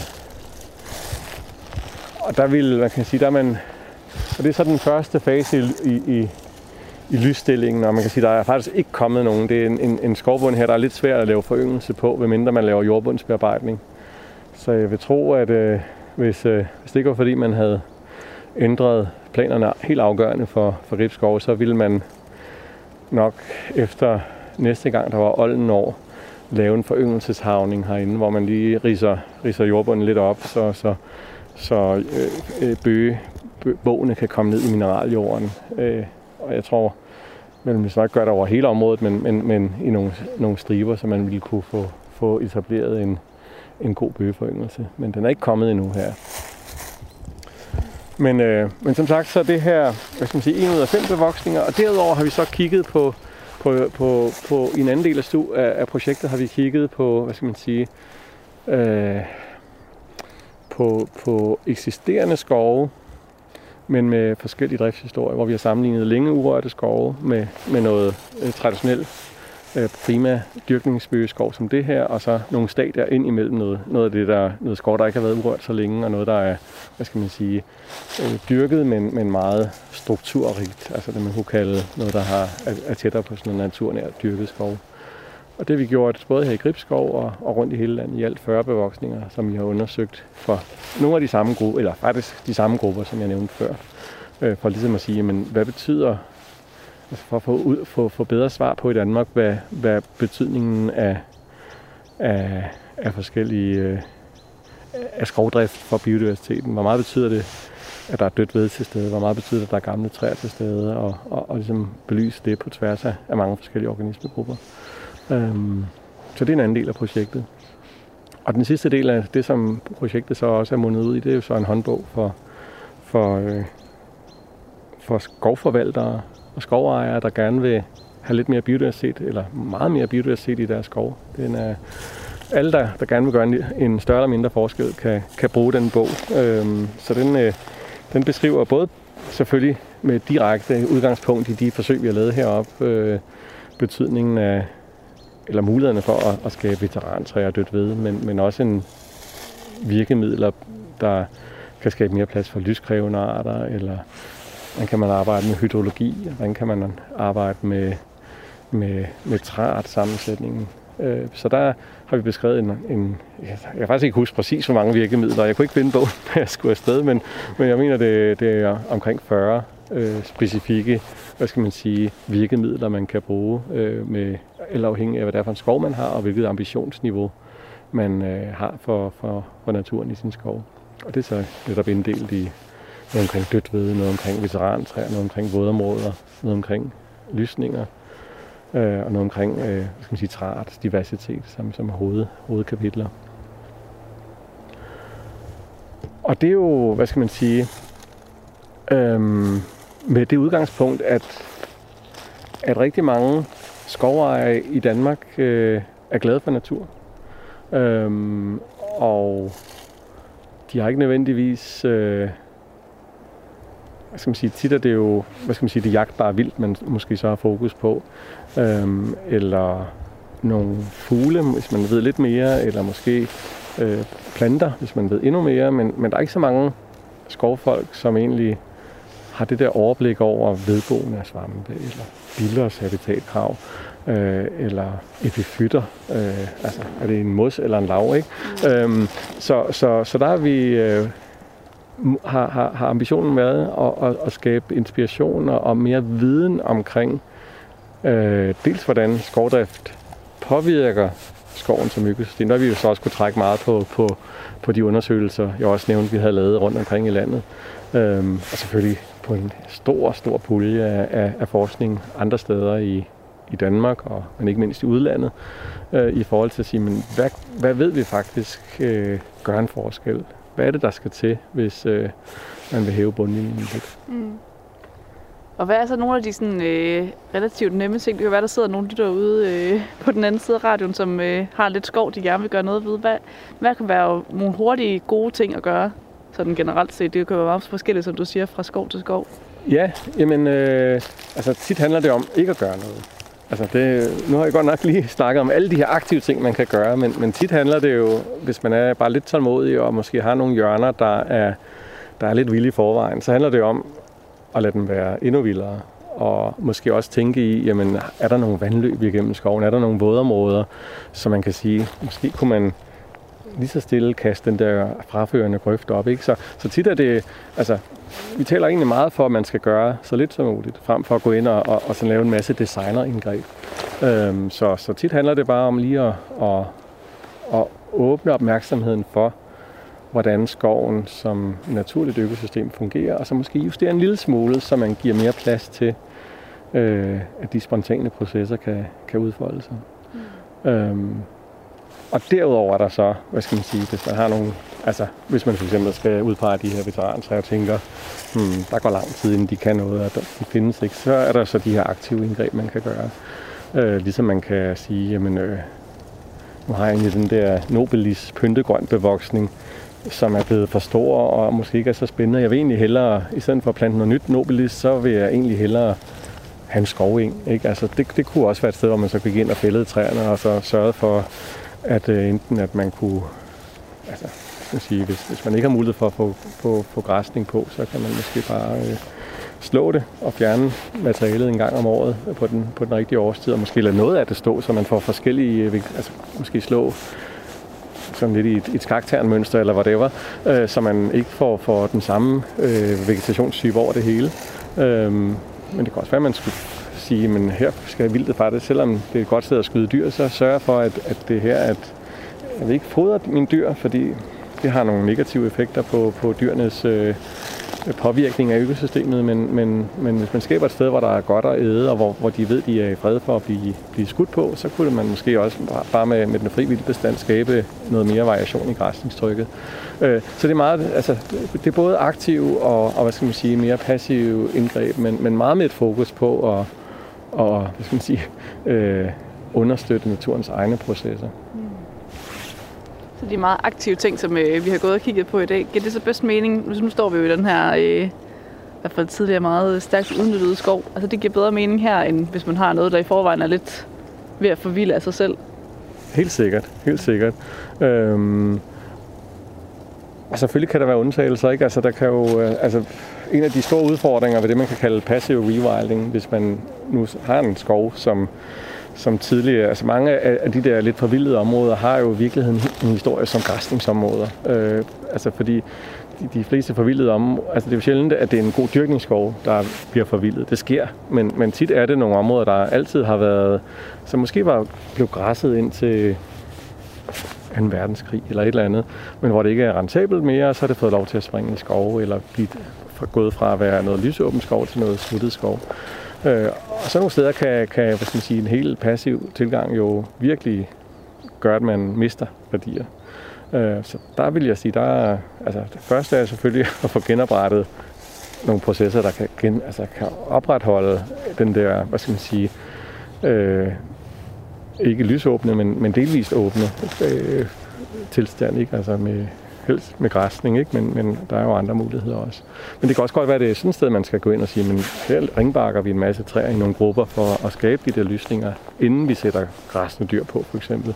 Så det, det er ikke enten eller. Øh, der, der er mange nuancer i det, øh, men, øh, men det skal jo helst være baseret på en god naturhistorisk forståelse, øh, så man ikke bare ligesom siger, at her øh, har jeg lyst til at gøre sådan. Og det er det, som hvad skal man sige, er, er målet med, med bogen, at give den naturhistoriske forståelse, så, så, øh, så man bruger øh, hvad skal man sige, altså enten får indtægtstabet eller, eller bruger aktive ressourcer til steder, hvor, hvor, hvor man faktisk får et godt biodiversitetsudbytte for, for, for indsatsen. Mm. Hvordan øh, har erhvervet så egentlig taget imod øh, sådan en bog, når man kommer nogle forskere og fortæller, hvordan øh, man kan dyrke skoven på en anden måde?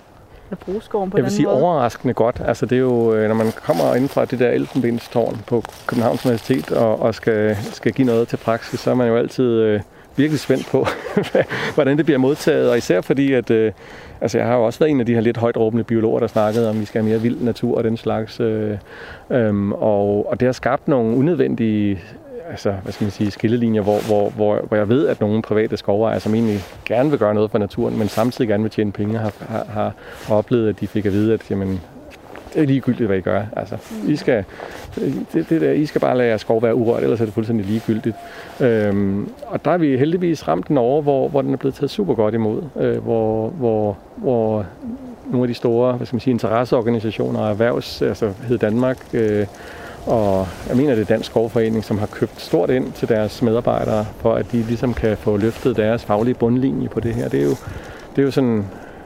Så det er super, super dejligt at opleve, at, at, at, at sådan et hårdt arbejde med at, at prøve at omsætte den der forkromede viden til praktiske råd faktisk ser ud til at, at blive taget rigtig godt imod. Så det er jeg glad for. Ja, det kan jeg da godt forstå. Det er virkelig dejligt, når ens arbejde kan bruges til noget, og ikke øh, kun kommer til at være i, forsk- i forskerkredse øh, internt. Ja, og også at man måske kan... Og det, og det viser jo egentlig også, synes jeg, meget tydeligt, at, at, at selvom det, at linjerne nogle gange bliver tegnet meget hårdt op i debatten, så er der faktisk øh, også ude i erhvervet en, en reel interesse for at, at rykke lidt ved tingene, øh, og måske også meget ved tingene. Øh, hvis, øh, ja. Så det, det, det er rart at opleve, at man også kan komme lidt ud af, af skyttegravene og, og, og faktisk få en frugtbar dialog om, om, om ting, man kan gøre også i den dyrkede skov. Helt bestemt. Skal vi begynde at bevæge os lidt øh, tilbage gennem skoven her? Selvom det er rart at komme lidt ud af hjemmekontoret. Det er det altid. Og I har ikke øh, været i gang med at springe træer i luften. Det har jeg ellers set, det sådan er blevet øh, næsten moderne. Det valgte vi øh, helt bevidst fra ret tidligt i projektet, fordi det var vigtigt at have noget, der var pragmatisk og billigt. Øh, det, det er dyrt og kræver hvad skal man sige, specielt folk, hvis man skal springe. Øhm, og, og det valgte vi fra, fordi at det her det skulle være noget, en, en almindelig skovejer kunne, kunne gå ud og gøre, uden at, at skulle have fat i, i, i nogen med speciel tilladelse. Kan godt se gasbrænderne lidt nemmere end øh, Ja, ja, ja og, og det der lidt kedelige øh, fældede træ der, altså rent biodiversitetsmæssigt gør det jo ikke den store forskel, om du havde sprængt det, øh, en, eller, eller bare havde væltet det på den måde. I, I lidt yngre skov kan man jo gå ind med en stor, voldsom gravkur og, og, og, og, og herve. Altså så, så men, men i sådan en ret gammel skov her, så vil jeg sige, altså, medmindre man har et æstetisk ideal om, at det skal se meget vildt ud, så, så fungerer det her så næsten lige så godt. Men igen, det her med at bare fælde træer, det er nok det virkemiddel, jeg synes er mest kedeligt, når det kommer til stykket.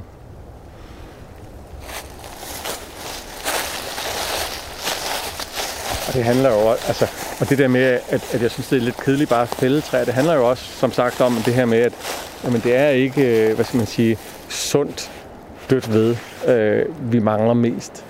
Øhm, det er ikke der, hvor, hvor de fleste krævende arter, det er mere på de der langsomt udviklende levesteder, de, de, de, de rigtig gamle træer, som vi virkelig mangler, og som vi forhåbentlig kan fremskynde udviklingen af med, med, med, med, med råd inde i en levende stamme, mm. og med de der hulheder. Ikke? Altså det, det er nok der, jeg vil sætte min, øh, sige det der, der virkelig er et, et en, øh, en uddøende skæld, altså som, som, som det er vigtigt at modarbejde i, i også i de kommende naturnationalparker, og sørge for, at, at de få huletræer, der er tilbage, de arter, der er der, de, de har nye steder at sprede sig hen, fordi ellers skal der altså godt gå flere hundrede år, før, før, før en øvrigt sund bevoksning udvikler den slags.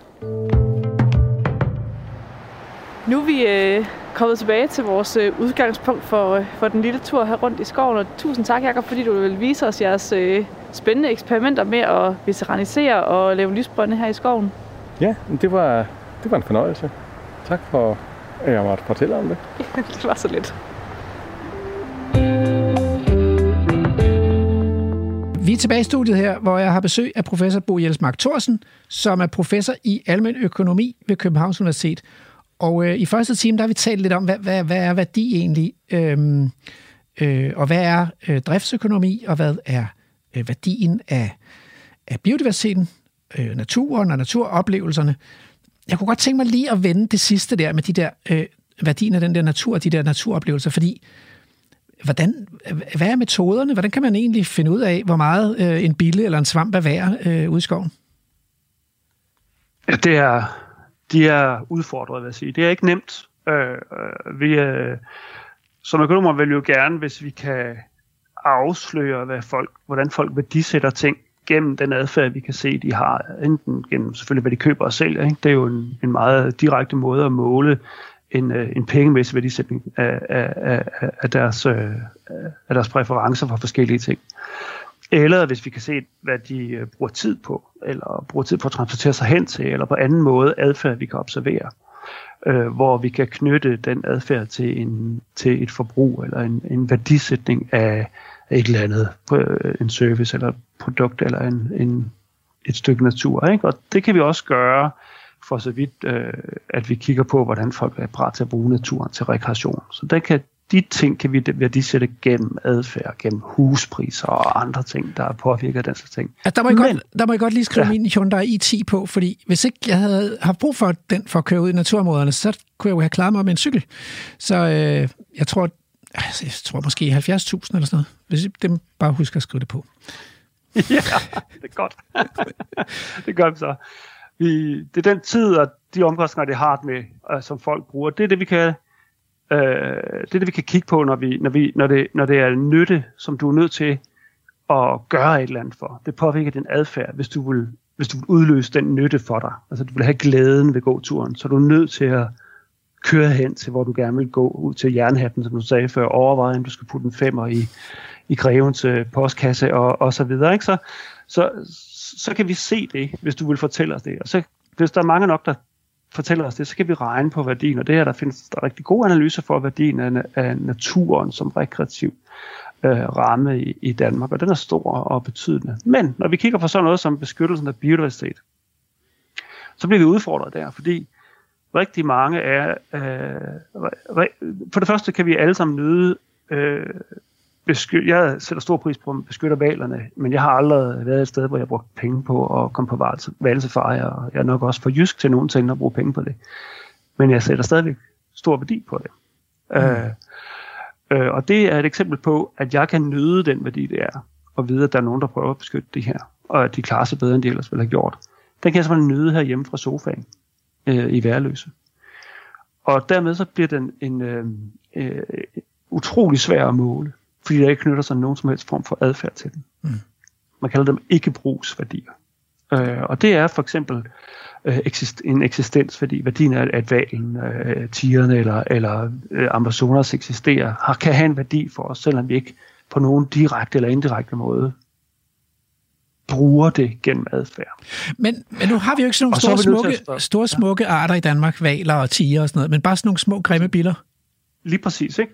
Øhm, det, det, det er også rigtigt. Det gør det heller ikke nemmere. Mm. Men det gør det på sin vis heller ikke sværere. Fordi det, at det er en ikke det gør, at vi faktisk er nødt til at gå ud og spørge folk. Og på forskellige, ved forskellige mere eller mindre snedige former for spørgsmål og design, så bed den træffe en række valg mellem niveauer af forbrug af andre goder, og så beskyttelse af naturelementer som indebærer artsbeskyttelse. Så prøver vi at beskrive en lang række valgmuligheder og give dem en række valgmuligheder. På den måde prøver vi at, at lure ud af dem, hvad de er parat til at opgive i forbrug af andre ting. for at beskytte natur. Mm. Det er den måde, man, man har, øh, har udviklet internationalt, og, og som vi også bruger. Og hjemme er ganske gode til at have lavet ret meget arbejde på det her område. Og der er det faktisk, du har ret i, at, at arter, der er øh, mere fotogene, kan man sige det, ikke? eller mere prominente end andre arter, er nok et eller andet sted for en værdisætningsbonus for at være det. Men det, der betyder meget mere end det, det er, om du er truet eller ej. Mm. Så folk er væsentligt mere parat til at betale, væsentligt, parat til at betale væsentligt mere for at hjælpe for den sags skyld en, en, en grim æderkop eller en slange, der er truet, end de er til at sørge for, at der bliver øh, lidt flere øh, øh, hvad, hvad kan det være, sort klente i verden, eller en anden almindelig rovfugl eller noget. Ikke? Det, mm. det er klart, at, at der betyder sjældenheden noget, og det er ikke så mærkeligt, fordi det, den værdi, der er i spil her, det er det, der, her, der hedder eksistensværdien. Ikke? Og det er kun, når den er truet, at der rigtig er en værdi af at beskytte. Mm. Så længe noget er sikkert, og nok skal være der, og nok skal klare sig selv, mælkebøtter, anemoner og, og, øh, og mirabella ikke skal nok klare sig, mm. øh, så der er vel yderligere tiltag for dem, vil folk tænke, det, det, det har ikke nogen sønderlig værdi for mig, at vi gør mere for dem, men det er væsentligt mere vigtigt for mig, at vi gør noget for de arter, mm. Vi står til at miste. Det er jo interessant, fordi nogle gange kan man godt få den der fornemmelse af, at det er svært at få i talesat rødmende voksat eller øh, urskovssmælder, som Jakob nævner i, i udsendelsen i dag, reportagen, end det er at tale om rådyr og, og harer og, og lærker, fordi alle kender rådyr og harer og lærker, men du siger, at hvis man går folk på klingen, så betyder det faktisk, så er det det der med, om, om arten er truet, der er afgørende. Det, det, det er klart, altså selvfølgelig, hvis rådyret var truet, ville den have det lettere end urskovssmælder med, med, med, med at få folk til at komme til lommerne, ikke? Mm. Men, men der er ingen tvivl om, at folk vil hellere gøre noget for urskovssmælderen, hvis den har brug for det, mm. end at have flere rådyr i landskabet.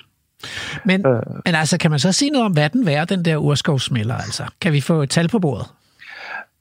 Øh, sådan lige lagt på en bestemt art, øh, vil jeg øh, mene, at det giver mening at sidde og sætte noget her. Men vi kan se, at øh, når vi spørger, vi har forskellige undersøgelser, der har spurgt sådan relativt abstrakt til øh, beskyttelse af, beskyttelse af habitater, hederne, eller øh, enge, eller, eller skove, med et antal arter tilknyttet. Mm. Øh, og når vi igennem forskellige eksperimenter har gjort det, så kan vi se, at, øh, at øh, ja, der er lidt variation i forhold til, hvilke arter det er, man prøver at nævne. Mm. Men cirka, øh, cirka, og nu kommer der cirka lige omkring 10 kroner, 15 kroner per art, uspecificeret kan man sige, det der har behov for hjælp. Øh, og det lyder jo utrolig lidt, kan man sige. Ikke? Her spørger vi en dansk husholdning typisk, om mm. 10-15 kroner for at redde en art. Men, øh, men, Men der er jo nogle altså... af de spørgsmål, vi har stillet, der er der ret mange arter. Det er jo det. Ikke? Så der er måske 100 arter eller ja. noget i de eksperimenter. Og det viser, at de er, der er en passende mængde husholdninger, der har sagt, at vi er parat til at betale 1000 kroner eller mere for at redde, øh, for at gøre så meget for, for eksempel, det har så typisk været danske skove, hvis der er så mange arter, ikke? Øh, som for, for at beskytte dem. Ikke? Og, det, og, og det er det beløbsstørrelser, der taler om. Og så skal man også huske at integrere, altså det vil sige, at det er for hver husholdning. Ikke? Der må mm. der så 2,5 millioner af. Ikke? Og, mm. og så begynder det at blive til noget, og det bliver også det, blive til en samfundsøkonomisk relevant værdi. Og mm. det er nogle af de studier, sammenkoblet med noget af det biologerne har lavet, der jo også har drevet den dagsorden og fået været en del af det grundlag, øh, som nu gør, at politikerne mere aktivt sætter arealer til side, og dermed også afholder omkostninger for at beskytte arterne. Ikke? Ja, og det kan man jo godt 2,5 øh, millioner gange 1000, det er 2,5 milliarder, det er jo alligevel. Men, men man skal også om huske, året. at vi, om året, men vi har også lige fået, fået nogle indefrostende feriepenge tilbage, og det var jo 100 milliarder ja. i alt. Ikke? Så det er jo også, der er jo penge i det danske samfund, så det er ikke nødvendigvis urealistisk at tale om milliarder. Men, men det, som regeringen så nu har afsat til det, man kunne kalde at købe plads fri til vild natur, det er jo så 888 millioner over en årrække til de her 75.000 hektar øh, urørt skov og, og 15 naturnationalparker. Kan man så sige, at, at det kunne godt faktisk være en, en god samfundsøkonomisk forretning? Hvis man altså formår at redde noget natur med investeringen? Ja, hvis man leverer, hvis man leverer, hvis, hvis man ender med at levere et, et sikringen af et større antal arter, ikke? Altså, mm. som i nogle hundrede, ikke? så tror jeg sådan set, at det vil vise det. Ikke? I en lidt mindre skala øh, lavede Dørs analysen i 2012. Øh, Dørs bliver du lige nødt til. Dørs, ja, det, det økonomiske råd sekretariat, ikke? Ja. Øh, og, der, og der forsigtigt vurderet på værdisiden, så hang det sammen og udlægge, dengang tror jeg det var 25.000 hektar, ikke? Mm. Så for at beskytte nogle 100 arter. Ikke? Mm. Så, så uden lige at have lavet regnestykket, så vil den her skalering op af stadigvæk kunne, kunne hænge sammen, hvis man får leveret værdien. Ikke? Det vil sige, hvis man får implementeret det ordentligt, og det skal du så snakke med nogle andre om end mig, ikke? Det er klart. Det, jeg, jeg vil godt selv være med, men det bliver en anden dag. Men øh, ja. vi, vi skal selvfølgelig også have Jakob med. Men, men øh, jeg kunne godt tænke mig at stille et, hvis jeg må springe en lille smule nu, øh, til det der med skovene. Fordi når man ser på, på, skovpolitikken i Danmark, så den målsætning, der ligesom har stået foran alle de andre målsætninger og været måske mest toneangivende og afgørende, det er den her målsætning om at fordoble skovarealet på en trækgeneration. Og så tænker jeg, i sådan et større globalt bæredygtighedsperspektiv, er der så overhovedet nogen grund til, at vi skal dyrke skove i Danmark? Vi har jo god, god landbrugsjord, kan de ikke bare dyrke dem op i, på klippegrund i Skandinavien altså? Og så kan vi dyrke fødevarer, så kan vi bytte i sådan en global verdensøkonomi. Øh, og så kan vi få bare en lille smule plads til noget natur i Danmark. Ja, ja, men man kan jo bruge nøjagtigt det samme argument om, øh, om naturen, ikke? Fordi... Ja, det kunne man have et andet sted. Ja, præcis. Men det er jo lidt sværere at importere. Billigere, det er svært at importere ja. sådan nogle døde billeder, man får sendt fra Estland. De er ikke lige så sjove, som hvis de gror ud, lever ude i skoven. Ja. Altså alle de her spørgsmål handler jo i virkeligheden lidt om, hvordan vi selv vil have det der, hvor vi selv bor. Præcis. Hvor meget, hvor meget ønsker vi, øh, at øh, landbruget skal fylde i, mm. vores, øh, i vores økonomi, i vores, i vores landskab. Hvor meget ønsker vi, at skovproduktionen skal fylde i vores økonomi og i vores landskab. Mm. Hvor meget ønsker vi, at naturen skal fylde i vores økonomi og vores landskab. Ikke? Og det er, jo, det er jo nogle valg, dem kan man godt prøve at globalisere sig øh, ud af at gøre, svag, altså gøre mindre svære lokalt, men det, det... Man slipper ikke for dem. Det slipper man jo ikke for. Vel? Den diskussion går jo ikke væk, øh, fordi du kan pege på, at der står meget skov nordfra, øh, altså nord for Joensuu eller, eller sådan noget. Det, det er jo ingen nogen. Det giver jo ikke noget herhjemme. Det bliver det sidste ord, og det, jeg synes, det er meget passende, fordi den bold, den må vi, er vi nødt til at lægge over til politikeren. Det kan vi ikke komme med et videnskabeligt svar på. Er det ikke korrekt forstået? Jo, det er det. Så tusind tak, fordi du var med i Vildsborg og gør os klogere på økonomien i skovene. Du lytter til Radio 4. Nu er vi nået til øh, øh, ugens tråd, eller hvad man skal sige, ugens naturpolitiske indslag. Øhm, og øh, det er jo det indslag, hvor jeg på skift taler med naturordførende fra alle Folketingets partier frem mod Naturmødet midt i maj og spørger dem om, øh, hvor meget plads øh, de synes, vi skal finde til naturen i Danmark. Det er jo det, forskerne siger. Naturen mangler plads. Og i dag der er øh, turen kommet til øh, Liberal Alliance, og jeg har fået team øh, hul igennem til Henrik Dahl, som er miljø, miljøordfører i Liberal Alliance. Velkommen. Tak skal du have. Og altså, altså, I har ikke en naturpolitisk ordfører, men du har mange ordførerskaber, det vil jeg lige sige. Ja, jeg har 12 eller noget i den stil der. og, og miljøordfører, det, det er så et af dem, og det, det kommer så ind under der. Godt, så du er frisk nok på, at jeg spørger om natur. Det kan du tro. Se, øh, hvor mange procent af landarealet og havterritoriet øh, synes Liberal Alliance, at vi danskere skal reservere til øh, naturen, altså steder, hvor naturen ligesom har første ret. Er det noget, I har tænkt over? Øh, ikke på den måde, at vi har sat et øh, nøgletal på, altså et antal procent. Men vi tager udgangspunkt i, at staten ejer cirka 18 procent af skovarealerne i Danmark. Og der er vores tanke altså, at der skal staten stoppe kommersiel skovdrift på de områder, som staten ejer. Det vil jo så i hvert fald give øh, 18 procent af skovarealet i Danmark øh, over til, øh, til vild natur.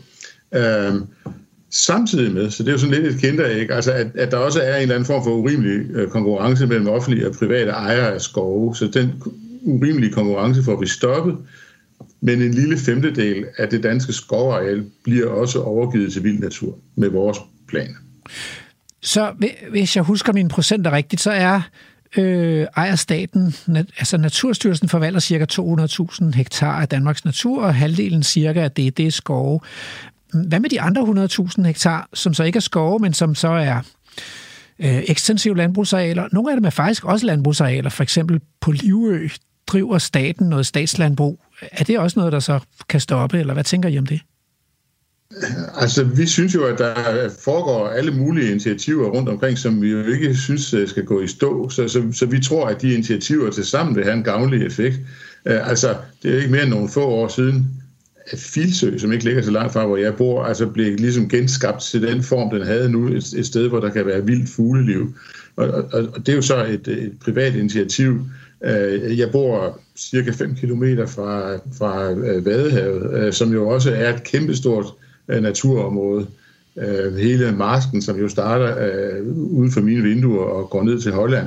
Så der sker jo rigtig mange ting. Og, og vi, vi synes egentlig, at summen af alle de her ting, det er rigtig positivt. Men det statslige virkemiddel, der har vi altså set først og fremmest på skovene. Mm-hmm. Men øh, i dag er det jo sådan, at man selv ind i Natur 2000-områder kan, kan modtage landbrugsstøtte fra EU til at overgræsse naturen, altså at man sender hårder af får eller kvæg ud og spise alle blomsterne om sommeren. Øhm, øh, ligesom at man jo også i danske naturområder generelt går på jagt og, og skyder dyrene til et niveau, der er langt under naturlig bære, bærekapacitet fra naturområderne. Det gør man selvfølgelig for, at de ikke skal rende ud og lave skader på, på markerne.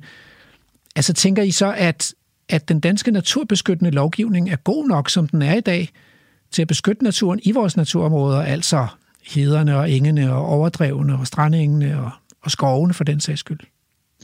Ja, i udgangspunktet synes vi da, at vi har et, et, øh, godt system, øh, som, som skaber en eller anden fornuftig balance. Fordi øh, det er sådan set balancen, vi er interesseret i. Vi er jo ikke interesseret i, at der er, altid er et bestemt hensyn, hvad det hensyn end måtte være, der kan trumfe alle andre hensyn. Øh, jeg, jeg, jeg tror, at de mest ulykkelige sager, det er nogle sager, hvor, som bliver meget ideologiske, enten den ene vej eller den anden vej. Øh, og, og i virkeligheden så er, ideologi måske ikke det mest lykkelige, man kan have øh, i de her sager.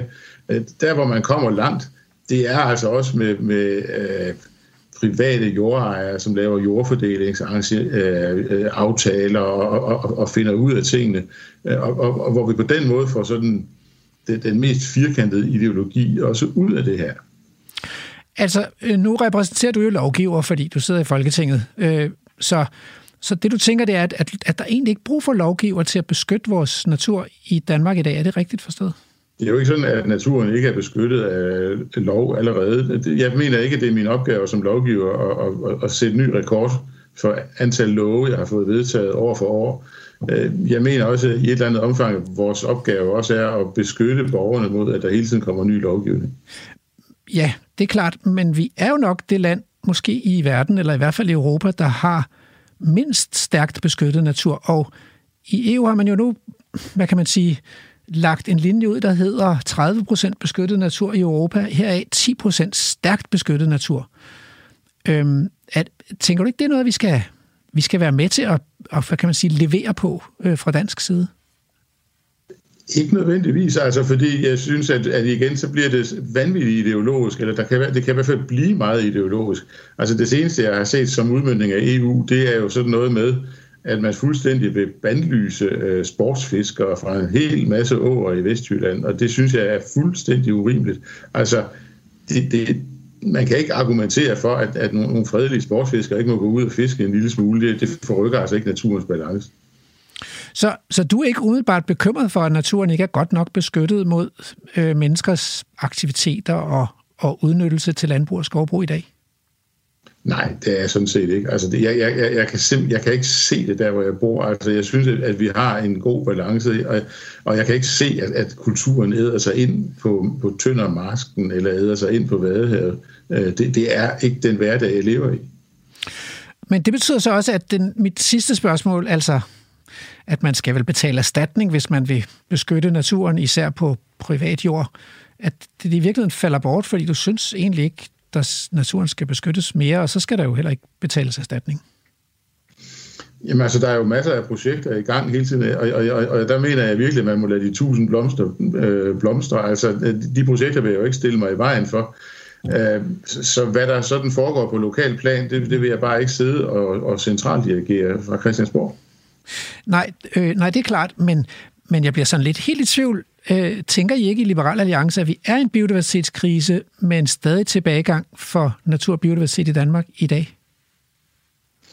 Jo, men det er også derfor, vi har det her konkrete forslag, som jeg, som jeg allerede har øh, givet udtryk for. Det er også derfor, vi hilser øh, alle mulige lokale initiativer øh, velkomne. Mm. Øh, fordi det er da øh, en stor øh, glæde med biodiversitet. Her i, i, jeg bor i Ribe. I Sidste uge øh, landede der en stork i en af storkrederne i byen, og det er vi da alle sammen glade for. Vi vil gerne have nogle flere. Mm. Ja. ja, og så skal de jo have nogle, øh, nogle insekter fra nogle græsne dyr øh, ude i landskabet. Men der skal jo heller ikke være så mange græsne dyr, at de spiser al maden for næsen af sommerfuglene. Altså på den måde, så tænker jeg, at det der, du kalder ideologi, øh, altså, sommer, altså naturen er vel spændfri zone, for så vidt? Altså, det er jo ikke sådan, at der ikke er naturforvaltning i dag, og, og, og, og, og den, den niveau for naturforvaltning, vi har i dag, det synes vi i udgangspunktet er et udmærket niveau. Mm-hmm. Øhm, godt. Øhm, jeg tror ikke, jeg fik helt, fik helt klarhed omkring det der landbrug, staten kører i Naturstyrelsen. Skal det også ophøre ligesom skovbruget, eller er det noget, I ikke har besluttet endnu? Det har vi ikke besluttet endnu. Okay, så Livø kan godt indtil videre køre videre med liberal støtte. Liberal alliance støtte. Ja, Livø, ja, vi vil jo skulle nødt ødelægge SF'ernes uh, sommerlejr, så derfor er, er, ligger Livø og så er meget på scene som et, et beskyttet område, både for SF'er og landbrug. Det er, øh, det, det er en ny alliance i dansk politik. Jeg tror, jeg vil simpelthen lade det være det sidste ord, og så vil jeg takke Henrik Dahl for at uh, løfte sløret for Liberal Alliances naturpolitik. Tak skal du have. Selv tak. Du lytter til Radio 4. Vi har været helt ude i skoven i dagens program. Men selvom vi var på vildspor, så får vi heldigvis ikke helt vild.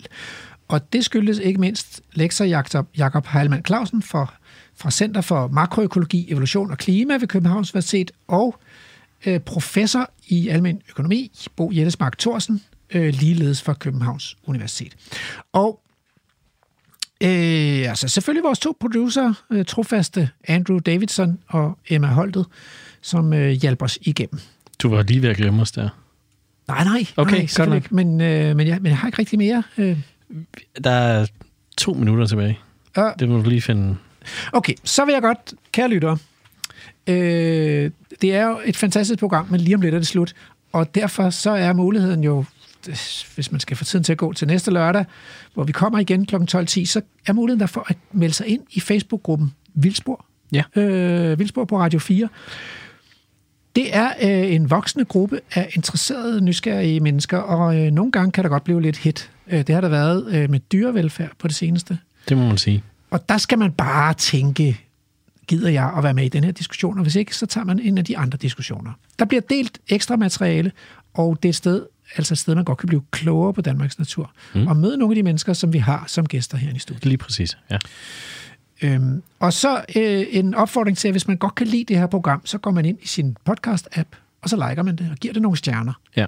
Fordi det er den måde, vi bliver kendt på. Der er stadigvæk mennesker i Danmark, som ikke har fundet ud af at tune ind på Radio 4, og som slet ikke ved, at Danmarks bedste naturprogram, det er, kan man finde der. Og det er jo egentlig rigtig synd. Det er det. Så det er jo faktisk det er en, det er en, det er en gave, vi giver videre. Det er det. Ja. Så gå ind og like den øh, gave, så øh, kommer vi til at sende øh, nogle flere programmer. Ja. Det vil vi gerne. Du har et minut tilbage, men du mangler haikuet. Godt. Ved du ja. hvad? Og så har du også noget musik. Så, så, så, så kører vi lidt mere af, af Niels Fram. Ja. Dagens haiku lyder sådan her. Flammer slikker træ. Vållebens onde drømme. Urskov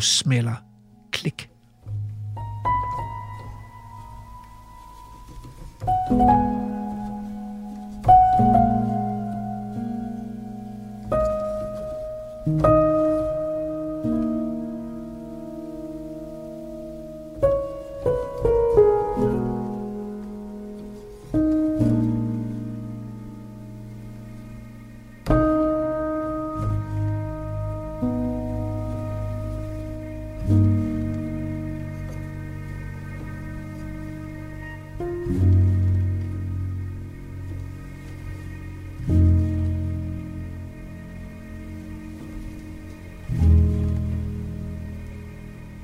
Programmet er produceret af Folkeuniversitetet og Aarhus Universitetsforlag for Radio 4.